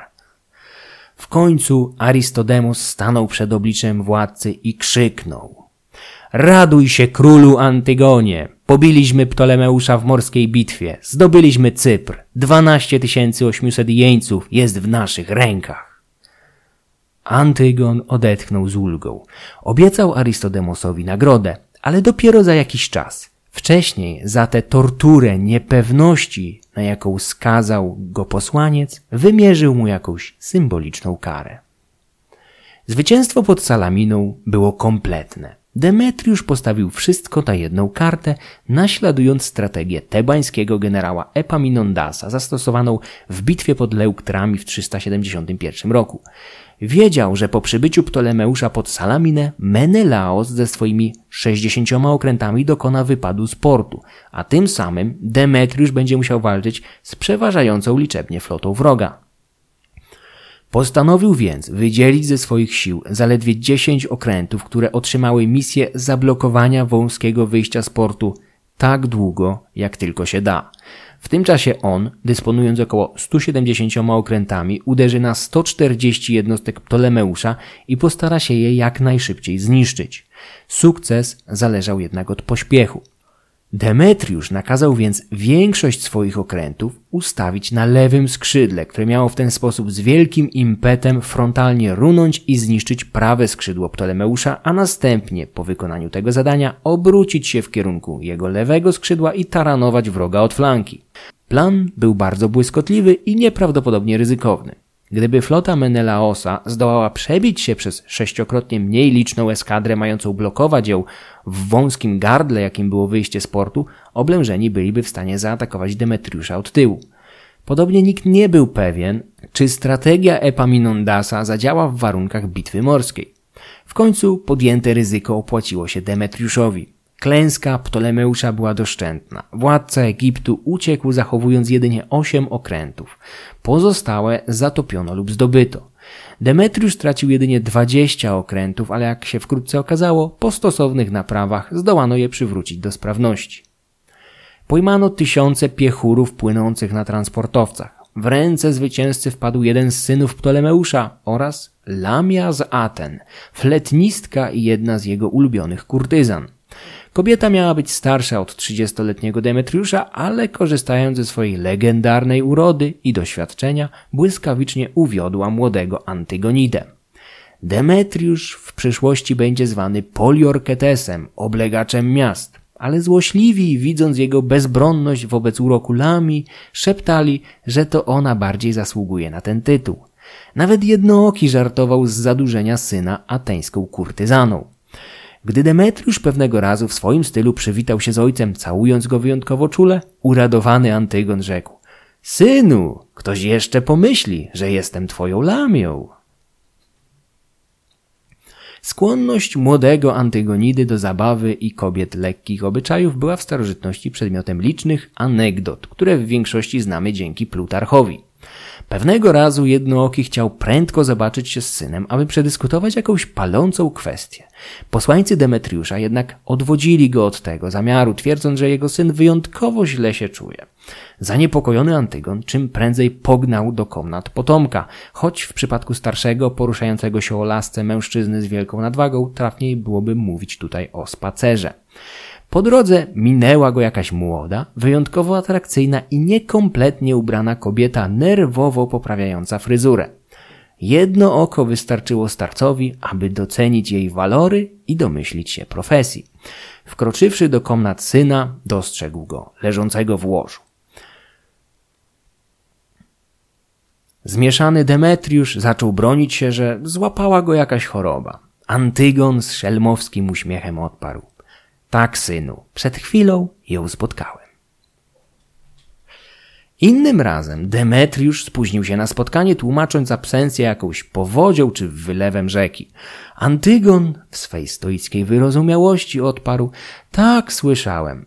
Skąd było to wino, które cię zalało? Stazos czy Chios? Obie wyspy były w starożytności znane z bardzo dobrego wina. Z miłostek młodzieńca często i głośno drwił Lizymach, jego najzacieklejszy wróg. Demetriusz, który zdolność do ciętej riposty odziedziczył po ojcu, ucinał te przytyki władcy Tracji szybko i bezlitośnie słowami. Moje nierządnice są cnotliwsze od twojej żony. Zwycięstwo pod Salaminą wzniosło sławę i pewność siebie Demetriusza aż pod niebiosa. Rozgromienie całej egipskiej floty, której odbudowa mogła zająć wiele miesięcy, nie mówiąc już o czasie niezbędnym do wyszkolenia kolejnych żeglarzy i wioślarzy, stawiała Ptolemeusza w trudnej sytuacji. Antygon błyskawicznie po tym wielkim sukcesie wszem i wobec ogłosił się oficjalnie królem, następcą Aleksandra. Od tego czasu na bitych w jego mennicy monetach znaleźć można greckie słowa Vasileus Antigonos, król Antygon. Diadem pozwolił włożyć na skronie także Demetriuszowi, czyniąc go tym samym oficjalnym następcą. W odpowiedzi na to wszyscy pozostali diadochowie Ptolemeusz, Seleukos, Lizymach i na końcu Kassander jeden po drugim także przybrali podobne tytuły. Kassander zwlekał do końca, wiedząc jakie odium spoczywa na nim po zgładzeniu prawowitego władcy imperium. Demetriusz, słysząc o tej pladze nowych królów, miał podczas uczty powiedzieć, że tylko Antygonidzi są jedynymi prawdziwymi monarchami, ale chętnie przyjmą tych pozostałych na służbę. Ptolemeuszowi po klęsce pod Salaminą przewidziano stanowisko królewskiego admirała. Seleukos miał otrzymać pozycję elefantarchosa, mistrza nad słoniami, Lizymach zaś skarbnika królestwa. Ptolemeusz i Seleukos szczerze bawili się tymi tytułami, ale Lizymach wziął mocno do siebie tytuł skarbnika. W tamtych czasach funkcję tę sprawowali głównie eunuchowie. Król Tracji uznał, że złośliwy Demetriusz celuje tym w jego męskość. Antygon, wyznający zasadę, jakoby żelazo należało kuć, póki jest gorące, postanowił wyzyskać zwycięstwo na wodach Cypru, nokautując osłabionego Ptolemeusza w Egipcie. Pomimo, że zbliżała się jesień, jednooki zebrał największą armię, jaką kiedykolwiek prowadził do boju którykolwiek z diadochów. Przez niektórych, jak na przykład Annę Świderkównę, uważaną za największe wojsko, jakie kiedykolwiek w starożytności prowadził wódz mówiący po grecku. 80 tysięcy piechurów, 8 tysięcy kawalerzystów, a do tego dziesiątki tysięcy wioślarzy i żeglarzy płynących na niemal 200 okrętach i licznych transportowcach. Jesienią 306 roku ta olbrzymia armia ruszyła do Egiptu, aby ostatecznie rozwiązać problem, któremu na imię było Ptolemeusz. Król Egiptu, nauczony doświadczeniami z odległej inwazji Perdikasa, zorganizował jeszcze szczelniejszą obronę, skupiającą się głównie na Nilu. Tymczasem Antygon przeprowadził olbrzymią armię przez cele Syrię, a następnie wkroczył na pozbawione wody pitnej wybrzeża Synaju. Armii lądowej towarzyszyła flota prowadzona przez Demetriusza blisko brzegu. Doświadczeni sternicy starali się przekonać jednookiego, że pora roku nie sprzyja morskim przedsięwzięciom. Morze Śródziemne późną jesienią i zimą należy do bardzo niebezpiecznych akwenów. XVI-wieczny genueński admirał Andrea Doria mawiał, że na tym akwenie jedynymi bezpiecznymi portami są Czerwiec, Lipiec i Cartagena. Antygonidzi maszerowali w listopadzie, zaś z Synaju do hiszpańskiej Kartageny droga daleka. Sternicy prosili króla o osiem dni, które musiały minąć, aby uspokoiły się plejady, gromada gwiazd na niebie, którym przypisywano wpływ na sztormy. Jednooki nie zamierzał jednak czekać, a sterników złajał, zarzucając im tchórzostwo. Ekspedycję kontynuowano i przez kilka dni nic nie zwiastowało komplikacji. Co prawda wielka armia maszerująca wybrzeżem dotkliwie odczuwała brak wody, ale myślami wszyscy byli już nad Nilem. Wtem pewnej nocy rozszalał się gwałtowny sztorm, który nie miał zamiaru ustąpić przez kilka dni.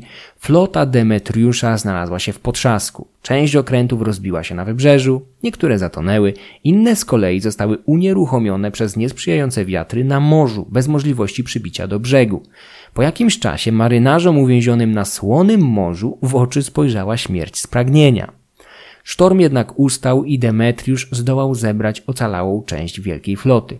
Armia kontynuowała marsz i pomimo strat i niskiego morale dotarła nad Nil. Podobnie jak wcześniej Perdikas, tak teraz Antygon rozpoczął próby przeprawy przez wielką rzekę. Ptolemeusz jednak przygotował się jeszcze lepiej i teraz dysponował sporą flotą małych statków dostosowanych do walki na rzece.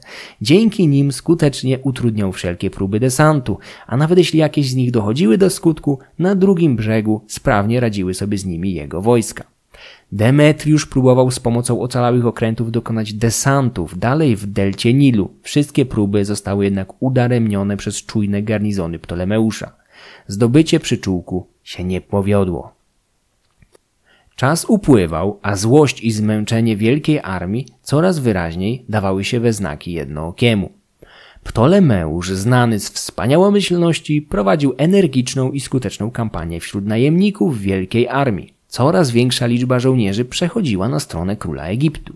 W pewnym momencie zdesperowany Antygon musiał obsadzić swoje łodzie operujące na Nilu łucznikami i procarzami, których zadaniem nie była walka z ludźmi Ptolemeusza, ale odpędzanie dezerterów pragnących zmienić wodza. Inwazja Egiptu przeprowadzona końcem 306 roku była kompletną porażką.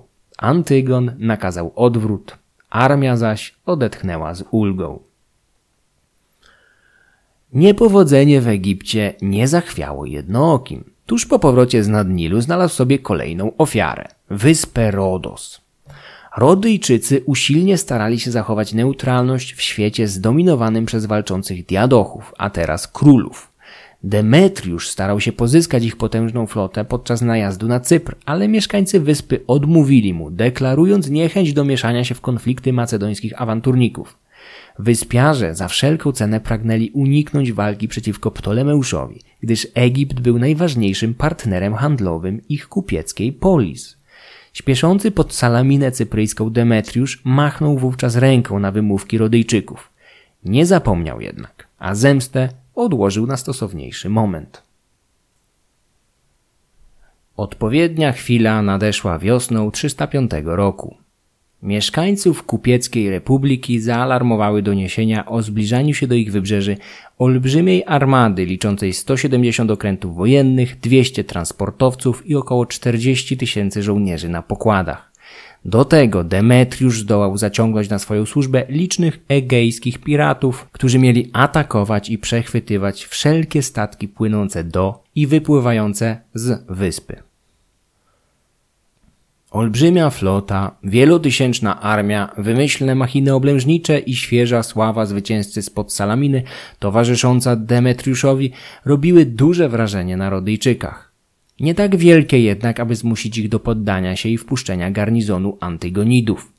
Rozpoczęto oblężenie, a skazywana na porażkę kupiecka Polis z zaskakującą energią broniła się przed najeźdźcami. Miasto było w stanie wystawić 7 tysięcy obrońców. Już na samym początku poinformowano wszystkich cudzoziemców, że w murach polis mogą pozostać wyłącznie ci, którzy zdecydują się jej bronić. Zdecydowało się na to tysiąc mężczyzn. Pozostali musieli opuścić miasto. Broń rozdano wszystkim chętnym niewolnikom, obiecując im wolność w zamian za obronę. Demetriusz nie zamierzał zwlekać i błyskawicznie przystąpił do ataków. Najpierw od strony morza, gdzie jego przeważająca liczebnie flota zdołała zagnać do portu rodyjskie okręty. Część okrętów Demetriusza łączono ze sobą drewnianymi platformami, na których stawiano następnie machiny oblężnicze, katapulty i wielkie wieże, z których rażono pociskami urządzenia portowe oblężonych. Rodyjczycy nie pozostawali dłużni i przy każdej sprzyjającej okazji dokonywali zabójczo precyzyjnych wypadów. Podczas jednego z nich kilka okrętów dokonało samobójczego ataku, taranując statki z platformami Demetriusza. Syn Antygona nie ograniczał się do ataków z odległości. Pod osłoną pocisków z okrętów jego transportery wysadziły w rodyjskim porcie desant, czegoś co nazwalibyśmy dzisiaj piechotą morską. W tym samym czasie tysiące piechurów od strony lądu starało się wedrzeć do miasta korzystając z drabin lub skruszyć mury katapultami, a bramy taranami. Rodyjczycy dzielnie odpierali te ataki, a w pewnym momencie z pomocą przyszła im natura. Niespodziewany sztorm spadł na okręty Demetriusza, niszcząc część jego floty. Piechurzy, którzy dokonali już desantu na Cyplu, tuż przed portem zostali odcięci od głównych sił i wkrótce musieli się poddać. Los jeńców z obu stron podczas tego oblężenia był wyjątkowo łagodny, jak na standardy wojen toczonych przez Hellenów. Na samym początku zmagań ustalono, że każdego jeńca będzie można wykupić w cenie 500 drachm za niewolnika i 1000 drachm za wolnego. Demetriusz znany był z ostentacyjnej wspaniałomyślności, którą lubił się afiszować. Gdy podczas jednego z ataków zajął sporą część przedmieść Rodos, w jego ręce wpadło niezwykłe dzieło sztuki, obraz słynnego mistrza Protogenesa, który poświęcił 7 lat na jego ukończenie. Rodyjczycy wysłali specjalnego herolda, który prosił Antygonidę o oszczędzenie dzieła sztuki, będącego wówczas w świecie Hellenów czymś porównywalnym do naszej Monalizy Leonardo da Vinciego. Demetriusz odpowiedział posłańcowi, że wolałby spalić podobiznę własnego ojca, aniżeli tak piękne dzieło sztuki. Pomimo tych aktów wzajemnego szacunku, oblężenie trwało nadal i żadna ze stron nie zamierzała ustąpić. Demetriusz, będący w swoim żywiole, ciągle biegał wśród machin i żołnierzy, ryzykując własne życie. Wysoki, przybrany w purpurowy płaszcz, był doskonale widoczny z murów. Jego ciało chronił pancerz zrobiony na zamówienie przez cypryjskiego płatnerza Zoilosa. Zbroja ważyła około 40 min, czyli nieco ponad 17 kg. Zoilos po jej wykonaniu przeprowadził na niej doświadczenie, wystrzeliwując w nią z 20 kroków pocisk z katapulty. Uderzenie zostawiło na pancerzu jedynie lekkie rysy. Demetriusz mógł być pewien, że żaden pocisk wystrzelony przez Rodyjczyków nie przebije tego kuloodpornego dzieła sztuki defensywnej. No chyba, że trafił go w głowę, to co innego. Podczas przeciągającego się oblężenia Rodyjczycy ochrzcili Demetriusza tytułem Poliorketes, oblegacz miast. Do dzisiaj nie wiadomo, ile było w tym terminie uznania, a ile kpiny z racji niemiłosiernie przedłużającego się oblężenia. Samemu Demetriuszowi, podobnie jak jego żołnierzom, tytuł przypadł bardzo do gustu i do dzisiaj pamiętamy go jako Demetriusza Poliorketesa, oblegacza miast. Walki o miasto kontynuowano. W końcu do akcji wkroczył flagowy produkt Antygonidy, Helepolis. Jeszcze większy niż ten zbudowany pod Salaminą, a dodatkowo wzmocniony żelaznymi płytami chroniącymi przed ogniem. Stopniowo kruszono mury miasta. Rodyjczycy jednak czuwali i tuż za słabnącymi fragmentami budowali kolejną linię obwarowań. Żołnierze Poliorketesa zapewne z nadzieją śpiewali piosenki o murach, które runą, runą, runą i nawet dwukrotnie przebijali się przez masywne wały polis, lecz za każdym razem odkrywali, że na ich przywitanie zdołano już wznieść kolejny pas umocnień. W końcu spróbowano podkopu, ale i tym razem szczęście sprzyjało obrońcom, którzy w porę dowiedzieli się o krecim tunelu, rytym tuż pod ich murami. W odpowiedzi zbudowali własny korytarz i zdołali przegnać ludzi Poliorketesa z ich wykopu. Nie pomogły próby przekupstwa najemników broniących Rodos. Jeden z nich, Atenagoras, podjął rozmowy z oficerami Demetriusza, a następnie zdał sprawę Rodyjczykom i razem z nimi pojmał delegatów Poliorketesa. W nagrodę otrzymał obywatelstwo, złoty wieniec i pięć talentów w srebrze. Wówczas spory majątek. Mijały miesiące, a Demetriuszowi i jego ludziom zaczęła kończyć się cierpliwość. Rodos nie skapitulowała. Jakby tego było mało, co jakiś czas przez morską blokadę przedzierały się statki wysyłane przez pozostałych królów. Kassandra, Lizymacha i przede wszystkim Ptolemeusza. Na ich pokładach miastu dostarczano jęczmień, pszenicę i groch, dzięki którym mieszkańcy nie umarli z głodu. Ptolemeusz zdołał przysłać także kilkuset najemników. Wiele helleńskich polis zaangażowało się w mediację i próby polubownego rozwiązania konfliktu. Demetriusz był jednak nieustępliwy, a jego determinacja rosła wraz z upływem czasu. W końcu zaplanował kolejny szturm. W jego przekonaniu ostateczny. Wybrał 1500 najsprawniejszych ludzi. Mieli oni nocą, w ciszy, dokonać szybkiego ataku na najsłabszy fragment rodyjskich murów i wedrzeć się do miasta. Akcje miały im ułatwić pozorowany szturm wszystkich pozostałych jednostek na całej długości obwarowań. Precyzyjny atak wybranych żołnierzy kompletnie zaskoczył obrońców i bardzo szybko ludzie Poliorketesa dostali się do miasta, systematycznie wyrąbując sobie drogę do centrum między przerażonymi obrońcami. W Rodos wybuchła zwyczajna w takich sytuacjach panika. Obrońcy nie wiedzieli, czy zostać na murach, czy gnać do teatru, gdzie zdołali dojść ludzie Demetriusza. Jeden z miejskich prytanów, wysokich urzędników, uspokoił jednak sytuację i ruszył do teatru na czele własnych najemników i grona uzbrojonych obywateli. W budynku wywiązała się ciężka walka, której dramatyzm potęgowały jeszcze ciemności nocy. Do rana jednak Rodyjczycy zdołali złamać opór napastników i wszystkich zabić lub wziąć w niewolę. Kolejny szturm spalił na panewce. Dodatkowo, po ostatnim ataku Demetriusz nakazał policzyć wszystkie znalezione na przedpolu miasta pociski wystrzelone przez mieszkańców w ciągu tej jednej nocy, aby zorientować się w zapasach amunicji, jakimi jeszcze dysponowali, oraz ilości zdolnych do wystrzeliwania ich obrońców. Jego żołnierze naliczyli 800 pocisków zapalających i półtora tysiąca głazów i kamieni. Demetriusz zrozumiał, że miasto ma ciągle spore zapasy pocisków i ludzi zdolnych do ich wystrzeliwania. Oblężenie trwało już rok i nie przyniosło żadnych realnych sukcesów. W tym czasie pozostali królowie, korzystając z utknięcia armii Antygonidów na wyspie, zaczęli prowadzić coraz agresywniejsze działania w Helladzie i Azji Mniejszej. Jednooki w końcu wysłał do syna posłańca, domagając się zawarcia natychmiastowego pokoju z Rodos na jakichkolwiek rozsądnych warunkach.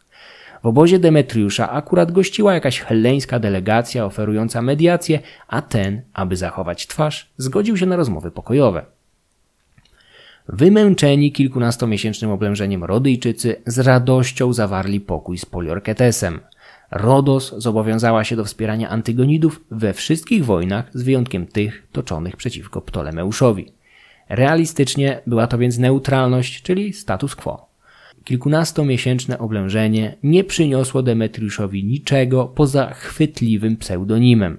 Jego odwaga, pomysłowość i determinacja zrobiły jednak wielkie wrażenie na obrońcach i pobocznych obserwatorach. Sami Rodyjczycy bardzo chętnie zaznaczali talenty Demetriusza, dzięki czemu tym bardziej mogli podkreślić osiągnięcie, jakim dla ich miasta była skuteczna obrona przed wszystkimi jego zabawkami. Przez cały okres oblężenia mieszkańcy nie zdecydowali się zburzyć posągu wystawionych kilka lat wcześniej w lepszych czasach dla Antygona i jego syna. Republika kupców za wszelką cenę starała się przywrócić dobre, neutralne relacje sprzed wybuchu wojny. Po zawarciu pokoju Rodyjczycy poprosili go nawet o podarowanie im kilku wyjątkowo efektownych machin oblężniczych, które niczym trofea wojskowe mieli wystawiać w swoim mieście. Na polu walki i w obozowisku Antygonidów znaleziono mnóstwo machin. Wiele z nich, jak Helepolis, zawierało elementy z metalu. Postanowiono je przetopić i wybudować zeń jeden z siedmiu cudów świata starożytnego, wielki posąg boga słońca Heliosa, znanego jako kolos rodyjski, który stanął gdzieś u wejścia do portu. Wdzięczność okazano także pozostałym królom, którzy wsparli wyspiarzy w trudnych czasach. Szczególne honory spotkały najbardziej zaangażowanego Ptolemeusza, któremu przyznano grecki tytuł Sotir, zbawca, i boski kult, który przybrał na znaczeniu po śmierci beneficjenta. Ptolemeusz nie był jedynym bogiem wśród otaczających go królów. Antygon mniej więcej w tym samym czasie założył na kontrolowanych przez siebie greckich wyspach Morza Egejskiego tzw. Tak Związek Wyspiarzy, będący pewnego rodzaju protektoratem Antygonidów. Polis zrzeszone w ramach tego związku co roku na wyspie Delos obchodziły święto Antigoneje ku czci swojego patrona i dobroczyńcy, jednookiego, Honory oddawane Antygonowi i Ptolemeuszowi były jednak niczym w porównaniu z zaszczytami, jakie miały spaść na głowę Demetriusza, gdy tuż po nieudanym oblężeniu Rodos przybył do Aten.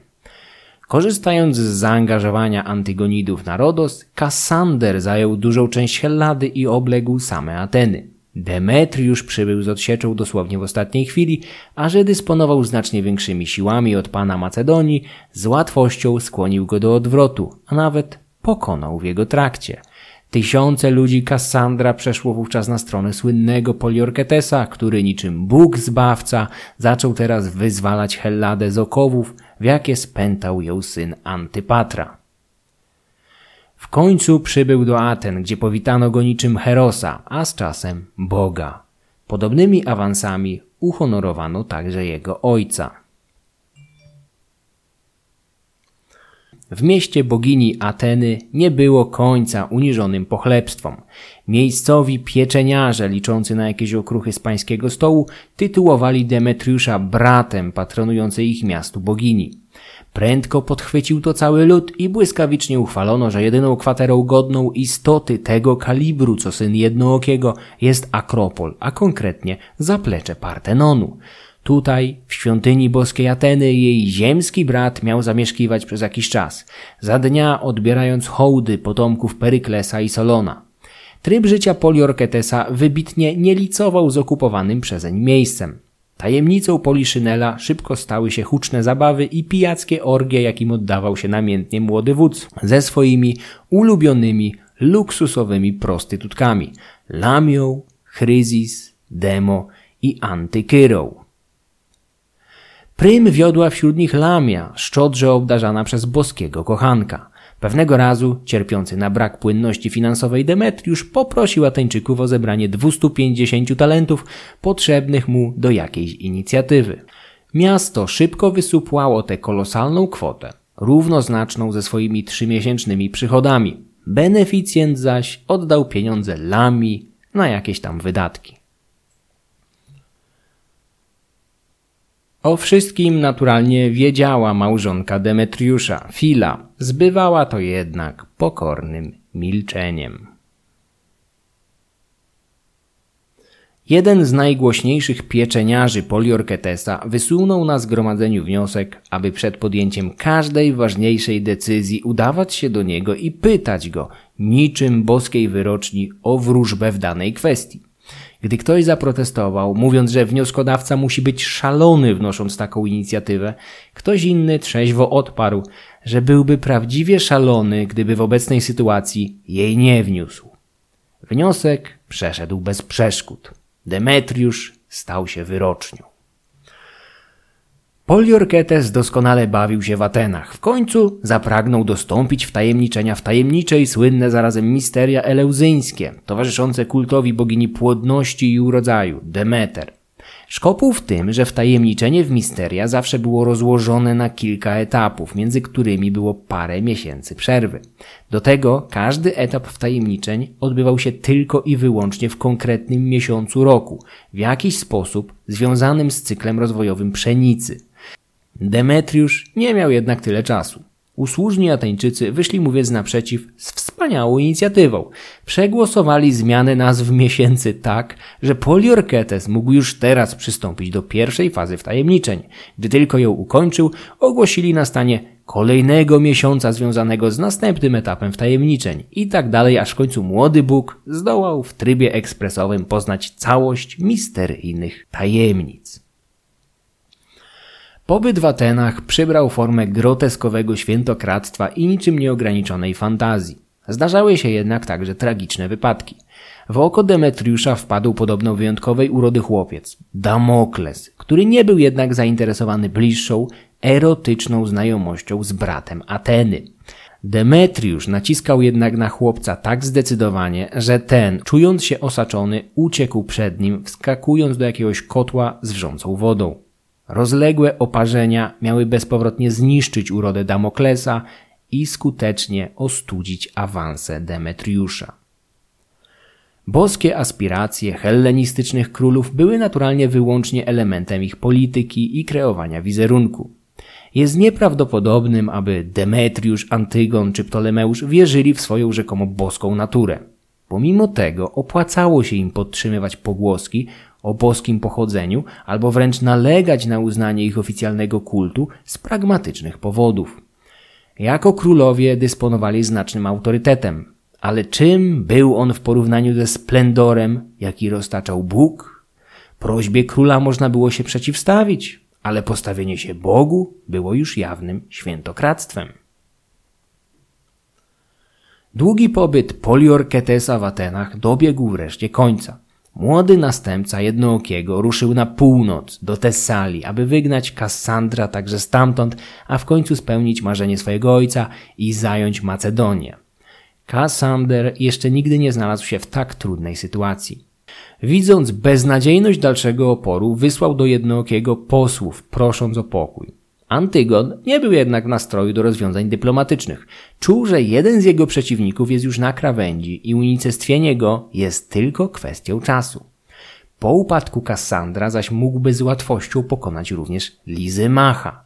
Jednooki zażądał bezwarunkowej kapitulacji i oddania mu całej Macedonii, na co oczywiście Kassander nie mógł przystać. Zamiast tego syn Antypatra rozesłał rozpaczliwe wiadomości do pozostałych królów, a szczególnie do Lizymacha, prosząc o pomoc. Widząc niebezpieczne postępy poczynione przez Demetriusza w Helladzie, wszyscy królowie zobowiązali się mocniej zaangażować w wojnę z Antygonidami. Najtrudniej przychodziło to Seleukosowi, który ciągle walczył z Chandraguptą we wschodnich satrapiach. Koalicjanci postanowili przenieść wojnę na teren przeciwnika i tam go zniszczyć. Kassander, pomimo zagrożenia ze strony nadciągającego od południa Demetriusza, zdecydował się postawić wszystko na jedną kartę i wysłał większą część swoich sił Lizymachowi, który już siał spustoszenie w Azji Mniejszej z 40-tysięczną armią. Ptolemeusz wyruszył z Egiptu przez cele Syrię, oblegając kolejne twierdze Antygona – Seleukos zaś zawarł wymuszony pokój z Chandraguptą i wzbogacony o 500 indyjskich słoni bojowych powoli maszerował na zachód. Była jesień 302 roku.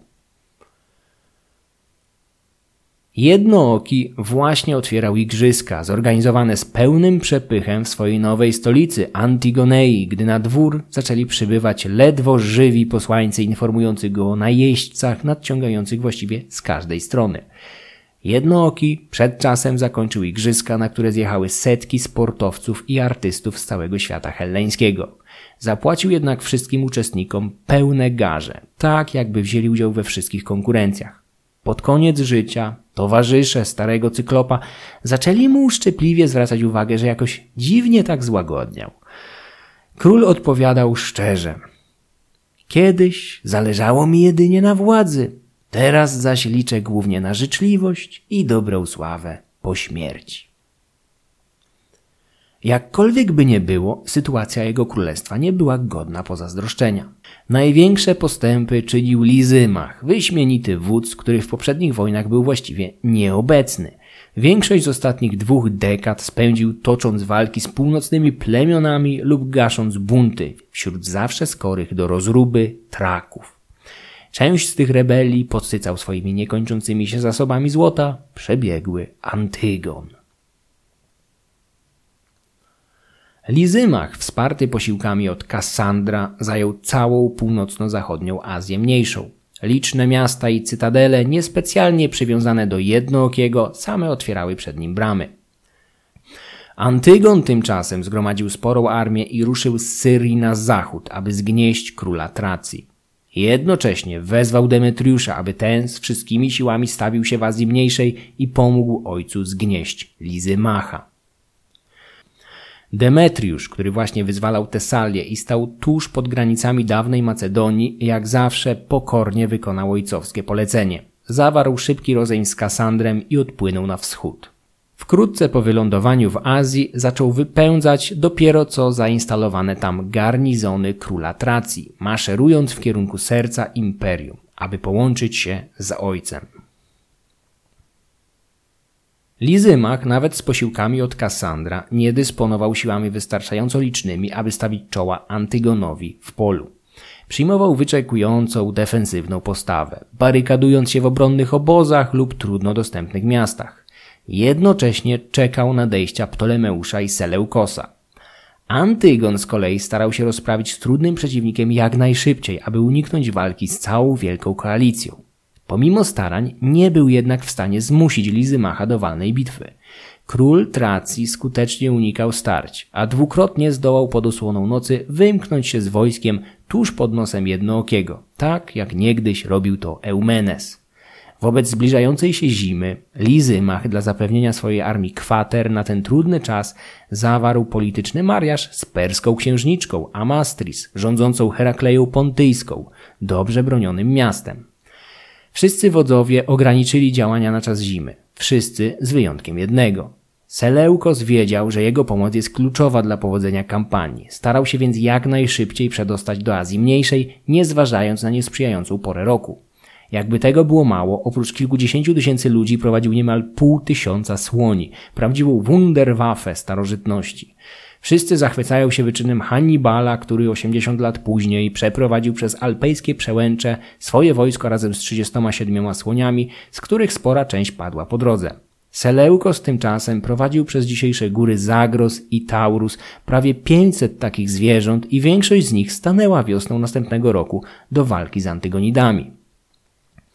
Oczywiście alpejskie przełęcze były znacznie bardziej niebezpieczne, także ze względu na broniące ich celtyckie plemiona, ale wyczyn Seleukosa był dla współczesnych, a szczególnie dla jednookiego, olbrzymim zaskoczeniem. Nikator pojawił się w głównym teatrze działań wojennych znacznie wcześniej aniżeli zakładano. Teraz czekano już tylko na Ptolemeusza. Król Egiptu nie pojawił się jednak na placu boju. Po wkroczeniu do Syrii obległ jakieś miasto Antygona i wtedy dotarła do niego fałszywa wiadomość mówiąca o wielkim zwycięstwie jednookiego i kompletnej zagładzie wojsk koalicjantów. Antygon miał już zmierzać na południe z wielkimi siłami, aby rozprawić się z ostatnim przeciwnikiem.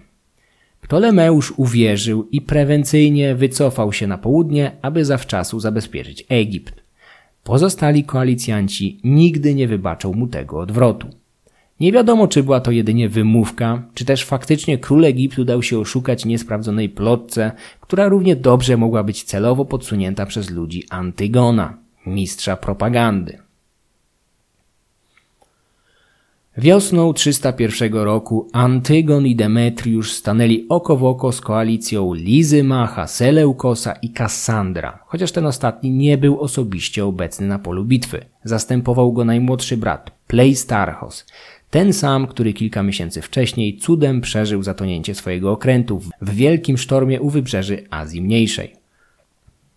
Największa bitwa epoki, rozstrzygająca dwie dekady zmagań, miała rozegrać się pod niewielką miejscowością Ipsos we Frygii, dawnej satrapii Antygona. Myśląc o wielkich bitwach starożytności, od razu przychodzi nam na myśl Zama, Gaugamela, Issos, Plateje, Farsalos czy Filippi. Ipsos jest jedną z najważniejszych, a jednocześnie najbardziej zapomnianych batalii, podobnie jak choćby późniejsza o tysiąc lat bitwa nad rzeką Jarmuk. Na placu boju stanęły kolosalne według ówczesnych standardów armie. Według Plutarcha Antygon miał pod komendą 70 tysięcy piechurów, 10 tysięcy jeźdźców i 75 słoni bojowych. Lizymach i Seleukos przeciwstawili mu 64 tysiące piechurów, 10 tysięcy jeźdźców i około 400 słoni. Poza tym mieli jeszcze 120 wozów z kosami, ale kierując się zapewne zdrowym rozsądkiem w ogóle nie wykorzystali tej formacji o wątpliwej przydatności w nadchodzącej walce. Na polach pod Ipsos stanęło więc łącznie około 200 tysięcy ludzi, koni i słoni. Widok musiał być iście piorunujący. Aleksander, gdyby żył wiosną 301 roku, zbliżałby się do 55 urodzin. Patrząc za światów na tę masę ludzi i zwierząt dowodzonych przez czterech królów, musiał czuć nieprawdopodobną gorycz, że ominęła go taka impreza. Koło nosa przeszedł mu udział w mordobiciu o tak epickich proporcjach. Jest bardzo prawdopodobne, że nawet starcia pod Issos i Gaugamelą nie widziały takiej ilości kombatantów. Ponieważ oczywiście starożytne relacje o milionowych czy idących w kilkasetek tysięcy siłach Dariusza można włożyć między bajki. Pod Ipsos stanęło wszystko, co tylko dało się zgromadzić z terytorium całego dawnego imperium Achemenidów, jednocześnie nie narażając wojsk na śmierć głodową z powodu braku zaopatrzenia. W latach dwudziestych XX wieku angielski generał Sir Frederick Morris, stacjonujący na Bliskim Wschodzie, wykonał skrupulatną rekonstrukcję trasy marszu Xerxesa, zmierzającego z Babilonii do Hellespontu podczas inwazji na Helladę w 480 roku. Generał Morris skupiał się głównie na problemach logistycznych, a szczególnie zaopatrzeniu w wodę na trasie i doszedł do wniosku, że nikt nie byłby w stanie w starożytności prowadzić na Bliskim Wschodzie armii liczącej więcej niż 210 tysięcy ludzi i 75 tysięcy zwierząt. No chyba, że chciał tę armię wygubić po drodze. Oczywiście niektóre regiony, szczególnie północny Irak w starożytności były znacznie bardziej nawodnione niż w czasach Morisa, ale nawet to nie pozwoliłoby na zbyt duże zwiększenie górnej liczby ludzi maszerujących ciągnących się na wiele kilometrów kolumnach. Do tego w starożytnych armiach Persów czy Hellenów przed rewolucyjnym zwiększeniem mobilności wojsk przez Filipa II nawet połowa maszerujących była odpowiedzialna za transport, nie za walkę tragarze, niewolnicy, kucharze, żony, kochanki, muzykanci, etc. Z maksymalnej liczby 210 tysięcy ludzi, jacy mogli zdaniem Morisa maszerować i nie umrzeć z głodu i pragnienia, od Babilonii do Hellespontu walczyłaby pewnie tylko połowa, a w czasach helenistycznych może dwie trzecie. Jeżeli w samej bitwie wzięło udział prawie 200 tysięcy żołnierzy po obu stronach, to w obozach musiało na nich czekać kolejne kilkadziesiąt do stu tysięcy niebiorących udziału w starciu. Pod Ipsos miało miejsce starcie, które dla epoki hellenistycznej było tym samym, czym dla wojen napoleońskich będzie bitwa narodów pod Lipskiem. Antygon miał już ponad 80 lat i wyraźnie odczuwał to brzemię. Dzień przed starciem zamknął się w swoim namiocie z Demetriuszem i rozmawiał z nim w trzy oczy jeszcze długo po zapadnięciu zmroku. Jego oficerowie byli tym zaskoczeni, gdyż zazwyczaj sam planował bitwy, nie konsultując ruchów z nikim. W dniu starcia, z samego rana, jednooki potknął się w obozie i runął na ziemię jak długi. Nie był to dobry omen. Pobliżu nie było też żadnej kotwicy, ani Ptolemeusza, który mógłby na poczekaniu znaleźć pozytywne wytłumaczenie wypadku. Armie obu stron były z grubsza podobne liczebnie, ale koalicjanci dysponowali pięciokrotną przewagą w liczbie słoni i tego zapewne obawiał się stary Antygon. Seleukos i Lizymach byli nieco po pięćdziesiątce. Według niektórych źródeł Seleukos był trzy lata starszy od swojego kolegi. Pod Ipsos to doświadczenie trzech wybitnych diadochów Aleksandra zadecyduje o przebiegu i wyniku walki, gdzie niegdzie do głosu dojdzie jednak brawura młodszego pokolenia. 36-letni Demetriusz otrzymał dowództwo prawego skrzydła Antygonidów, w skład którego wchodziła ciężka kawaleria. Gdzieś u jego boku stał młody, osiemnastoletni następca tronu epirockich molosów, Pyrrhus. Młody epirota, którego blask już wkrótce rozbłyśnie w całej Helladzie, a potem także Italii, pod Ipsos zbierał pierwsze poważne doświadczenia. Według źródeł, którymi posługiwał się Plutarch, Pyrrhus miał walczyć dzielnie. Demetriusz i jego prawe skrzydło miało spotkać się z kawalerią dowodzoną przez Antiocha, 23-letniego syna Seleukosa, następcę tronu Seleukidów. Centrum obu armii królowała piechota z licznymi falangitami walczącymi za pomocą długich saris. Z przodu klasycznie ustawiono słonie przemieszane z lekko zbrojnymi. Koalicjanci mieli jednak tak wiele tych zwierząt, że większość z nich Seleukos ustawił z tyłu za piechotą jako rezerwę. Poza tym słonie te mogły chronić tyły falangitów przed niespodziewaną szarżą ciężkiej kawalerii antygonidów. Konie zazwyczaj bały się zapachu słoni, a neutralizacja tego lęku wymagała długiego treningu. Jednooki ze względu na swój zaawansowany wiek i stan zdrowia nie wziął osobistego udziału w walce. Dowodził z tyłu, prawdopodobnie stojąc gdzieś za liniami piechoty. Bitwę pod Ipsos rozpoczęły słonie i lekkozbrojni ścierający się w centrum. Tysiące zwierząt i ludzi prędko wzbiło w powietrze olbrzymie ilości kurzu i pyłu. Te zaś utworzyły nad polem walki chmurę. Demetriusz postanowił wykorzystać zamieszanie, podrywając do natarcia pięć tysięcy ciężkiej kawalerii, która zaskoczyła nieprzygotowanego Antiocha i runęła z wielkim impetem na jego linię. Syn Seleukosa razem ze swoimi ludźmi prędko zaczął ustępować Demetriuszowi. W końcu nie widząc szans na utrzymanie pozycji, rzucił się ze swoimi oddziałami do ucieczki. Demetriusz pognał za nim, zapominając o całym świecie. W tym czasie w centrum starły się dwie linie piechurów i bardzo szybko przewagę zaczęli uzyskiwać ludzie Antygona, doświadczeni w większej ilości wojen. Jednooki nie skąpił grosza na najbardziej zaprawionych w walce weteranów. Teraz widział tego efekty. Na lewym skrzydle Antygona rozgorzała nierozstrzygnięta i wyrównana walka kawalerii. W tym momencie Antygonidzi zdawali się być górą, ale pomimo druzgocącego zwycięstwa kawalerii na prawym skrzydle, Jednooki w praktyce niewiele z tego miał. Demetriusz bowiem, zamiast zatrzymać rozpędzoną kawalerię, gnał przed siebie, pragnąc ostatecznie zniszczyć Antiocha. Przewidział to Seleukos, który w tym właśnie celu trzymał w odwodzie kilkaset słoni. Wielkie zwierzęta chroniące tyły piechoty koalicjantów zaczęły teraz zmierzać w kierunku ich lewego skrzydła. W końcu pojawiły się tam, gdzie na początku bitwy stała kawaleria Demetriusza. Słonie zaczęły od prawej flanki zachodzić piechotę Antygona.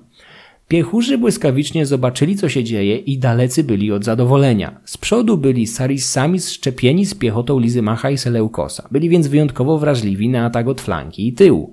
Seleukos doskonale o tym wiedział i nakazał machutom siedzącym na grzbietach słoni wykonywać pozorowane ataki w kierunku piechurów Antygona, aby uzmysłowić im, że znajdują się na jego łasce. Atak potężnych zwierząt przeprowadzony od niezabezpieczonej flanki skończyłby się dla falangitów masakrą żołnierze zaczęli panikować. Demetriusz tymczasem, będąc już dość daleko od pola walki, zdołał zatrzymać swoje rozpędzone oddziały, zawrócić je i pognać z powrotem w kierunku bitwy, gdzie liczył na to, że piechota jego ojca niczym kowadło zdążyła przyjąć przeciwnika, on zaś spadnie na niego jak młot od tyłu, ostatecznie depcząc ambicje Seleuka i Lizymacha. Gdy jednak Poliorketes zdołał wrócić na pole walki i objąć je wzrokiem, prędko zrozumiał, że sytuacja wygląda źle. Słonie operujące na lewym skrzydle koalicjantów, a na prawym antygonidów, zdołały już wywrzeć na tyle silne wrażenie na piechurach, że ci, rozumiejąc beznadziejność swojego położenia, zaczęli się poddawać całymi oddziałami. Całe prawe skrzydło Antygona stopniowo przestawało istnieć. Jednooki widział, że sytuacja przybiera ponure barwy, ale odrzucał wszelkie sugestie wycofania się proponowanemu przez jego oficerów. Uparcie powtarzał – Demetriusz wróci i nas uratuje. Demetriusz jednak był w tym momencie bezsilny. Setki słoni Seleukosa ustawionych na tyłach jego armii razem z tymi, które zdążyły już oflankować piechotę antygonidów, skutecznie oddzielały kawalerię Demetriusza od głównych, szybko topniejących sił skupiających się wokół jego ojca. Długa ściana wielkich zwierząt skutecznie odstraszała kawalerię Poliorketesa, czyniąc ją bezużyteczną. W tym czasie piechota antygonidów ostatecznie poszła w rozsypkę lub poddała się koalicjantom. Jednookiego zaczęli otaczać wrogowie. W jego stronę poleciały pierwsze pociski. Opuścili go wszyscy oficerowie i podwładni z wyjątkiem jednego, wiernego jak pies Toraksa, służącego mu od kilku dekad. Antygon ciągle miał w ostatnich chwilach swojego życia powtarzać jak mantrę, że Demetriusz wróci i go uratuje. Tak się jednak nie stało. Zasypywano go kolejnymi pociskami. W końcu w jego stronę poszybowała cała chmura oszczepów, a kilka z nich wbiło się w jego olbrzymie ciało. Antygon Jednooki, król Azji i Bóg Zbawca, poległ, zabierając na tamten świat swoje bezgraniczne ambicje. Być może spotkał tam ducha Aleksandra i razem mogli ocenić, który z nich był większym megalomanem. Ze śmiercią jednookiego w gruzach legło jego imperium, budowane przez ostatnie dwie dekady. Zwycięzcy królowie rozdzielą między siebie domeny antygonidów. Bezpośrednio po walce jednak zajmą się nieodzownym w takich wypadkach grzebaniem poległych. Jednooki doczekał się iście królewskiej ceremonii, godnej jego dokonań i ambicji. Jego ciało skremowano i pochowano uroczyście. Zgodnie z przepowiednią chaldejskich wróżbitów, Seleukos stał się jego grabarzem. Stojąc nad stosem pogrzebowym, zwycięzcy mogli przez chwilę czuć ulgę i radość. Ta nie miała jednak trwać zbyt długo. Czterej sojusznicy, Lizymach, Seleukos, Kassander i Ptolemeusz, zdołali pokonać Antygona. Ale teraz każdy z nich, zamiast jednego wspólnego wroga i jednoczącego ich starania, miał za przeciwników wszystkich dawnych sojuszników. Do tego Królowie zbyt prędko spisali na straty pokonanego Demetriusza, który pomimo klęski nie dał za wygraną, a już z całą pewnością nie spodziewali się na kogo wyrośnie Pyrrhus, to niepozorne królewiątko Zepiru. Kolejne wojny były nieuniknione, a ich nieuchronność najlepiej wytłumaczył Plutarch. Cytuję. Jak bowiem ludzie, których zachłanności nie ograniczają ani góry, ani pustynia niezdatna do zamieszkania, a których niepohamowanych pragnień nie powstrzymują granice oddzielające Europę i Azję, mogą poprzestać na tym, co posiadają i nie wyrządzać sobie nawzajem krzywdy? Nie da się odpowiedzieć na to pytanie. Są w ciągłym stanie wojny, ponieważ spiski i zazdrość są częścią ich natury, a dwa słowa, wojnę i pokój, traktują jak dwie strony monety, wykorzystując te, która im się przydarzy, nie przejmując się sprawiedliwością. Koniec cytatu. Treść przygotował i przeczytał Michał Kuźniar, a któż by inny. Wszystkie wykorzystane źródła znajdziecie w opisie odcinka oraz w filmie na YouTube. Podcast Mroczne Wieki można wspierać na patronite.pl łamane na Mroczne Wieki. Serdecznie dziękuję wszystkim patronom, a szczególnie Rafałowi, Tomaszowi, Krzysztofowi i dwóm Oskarom. Filmy będące ekranizacją audycji można oglądać i komentować na YouTube, do czego wszystkich serdecznie zachęcam.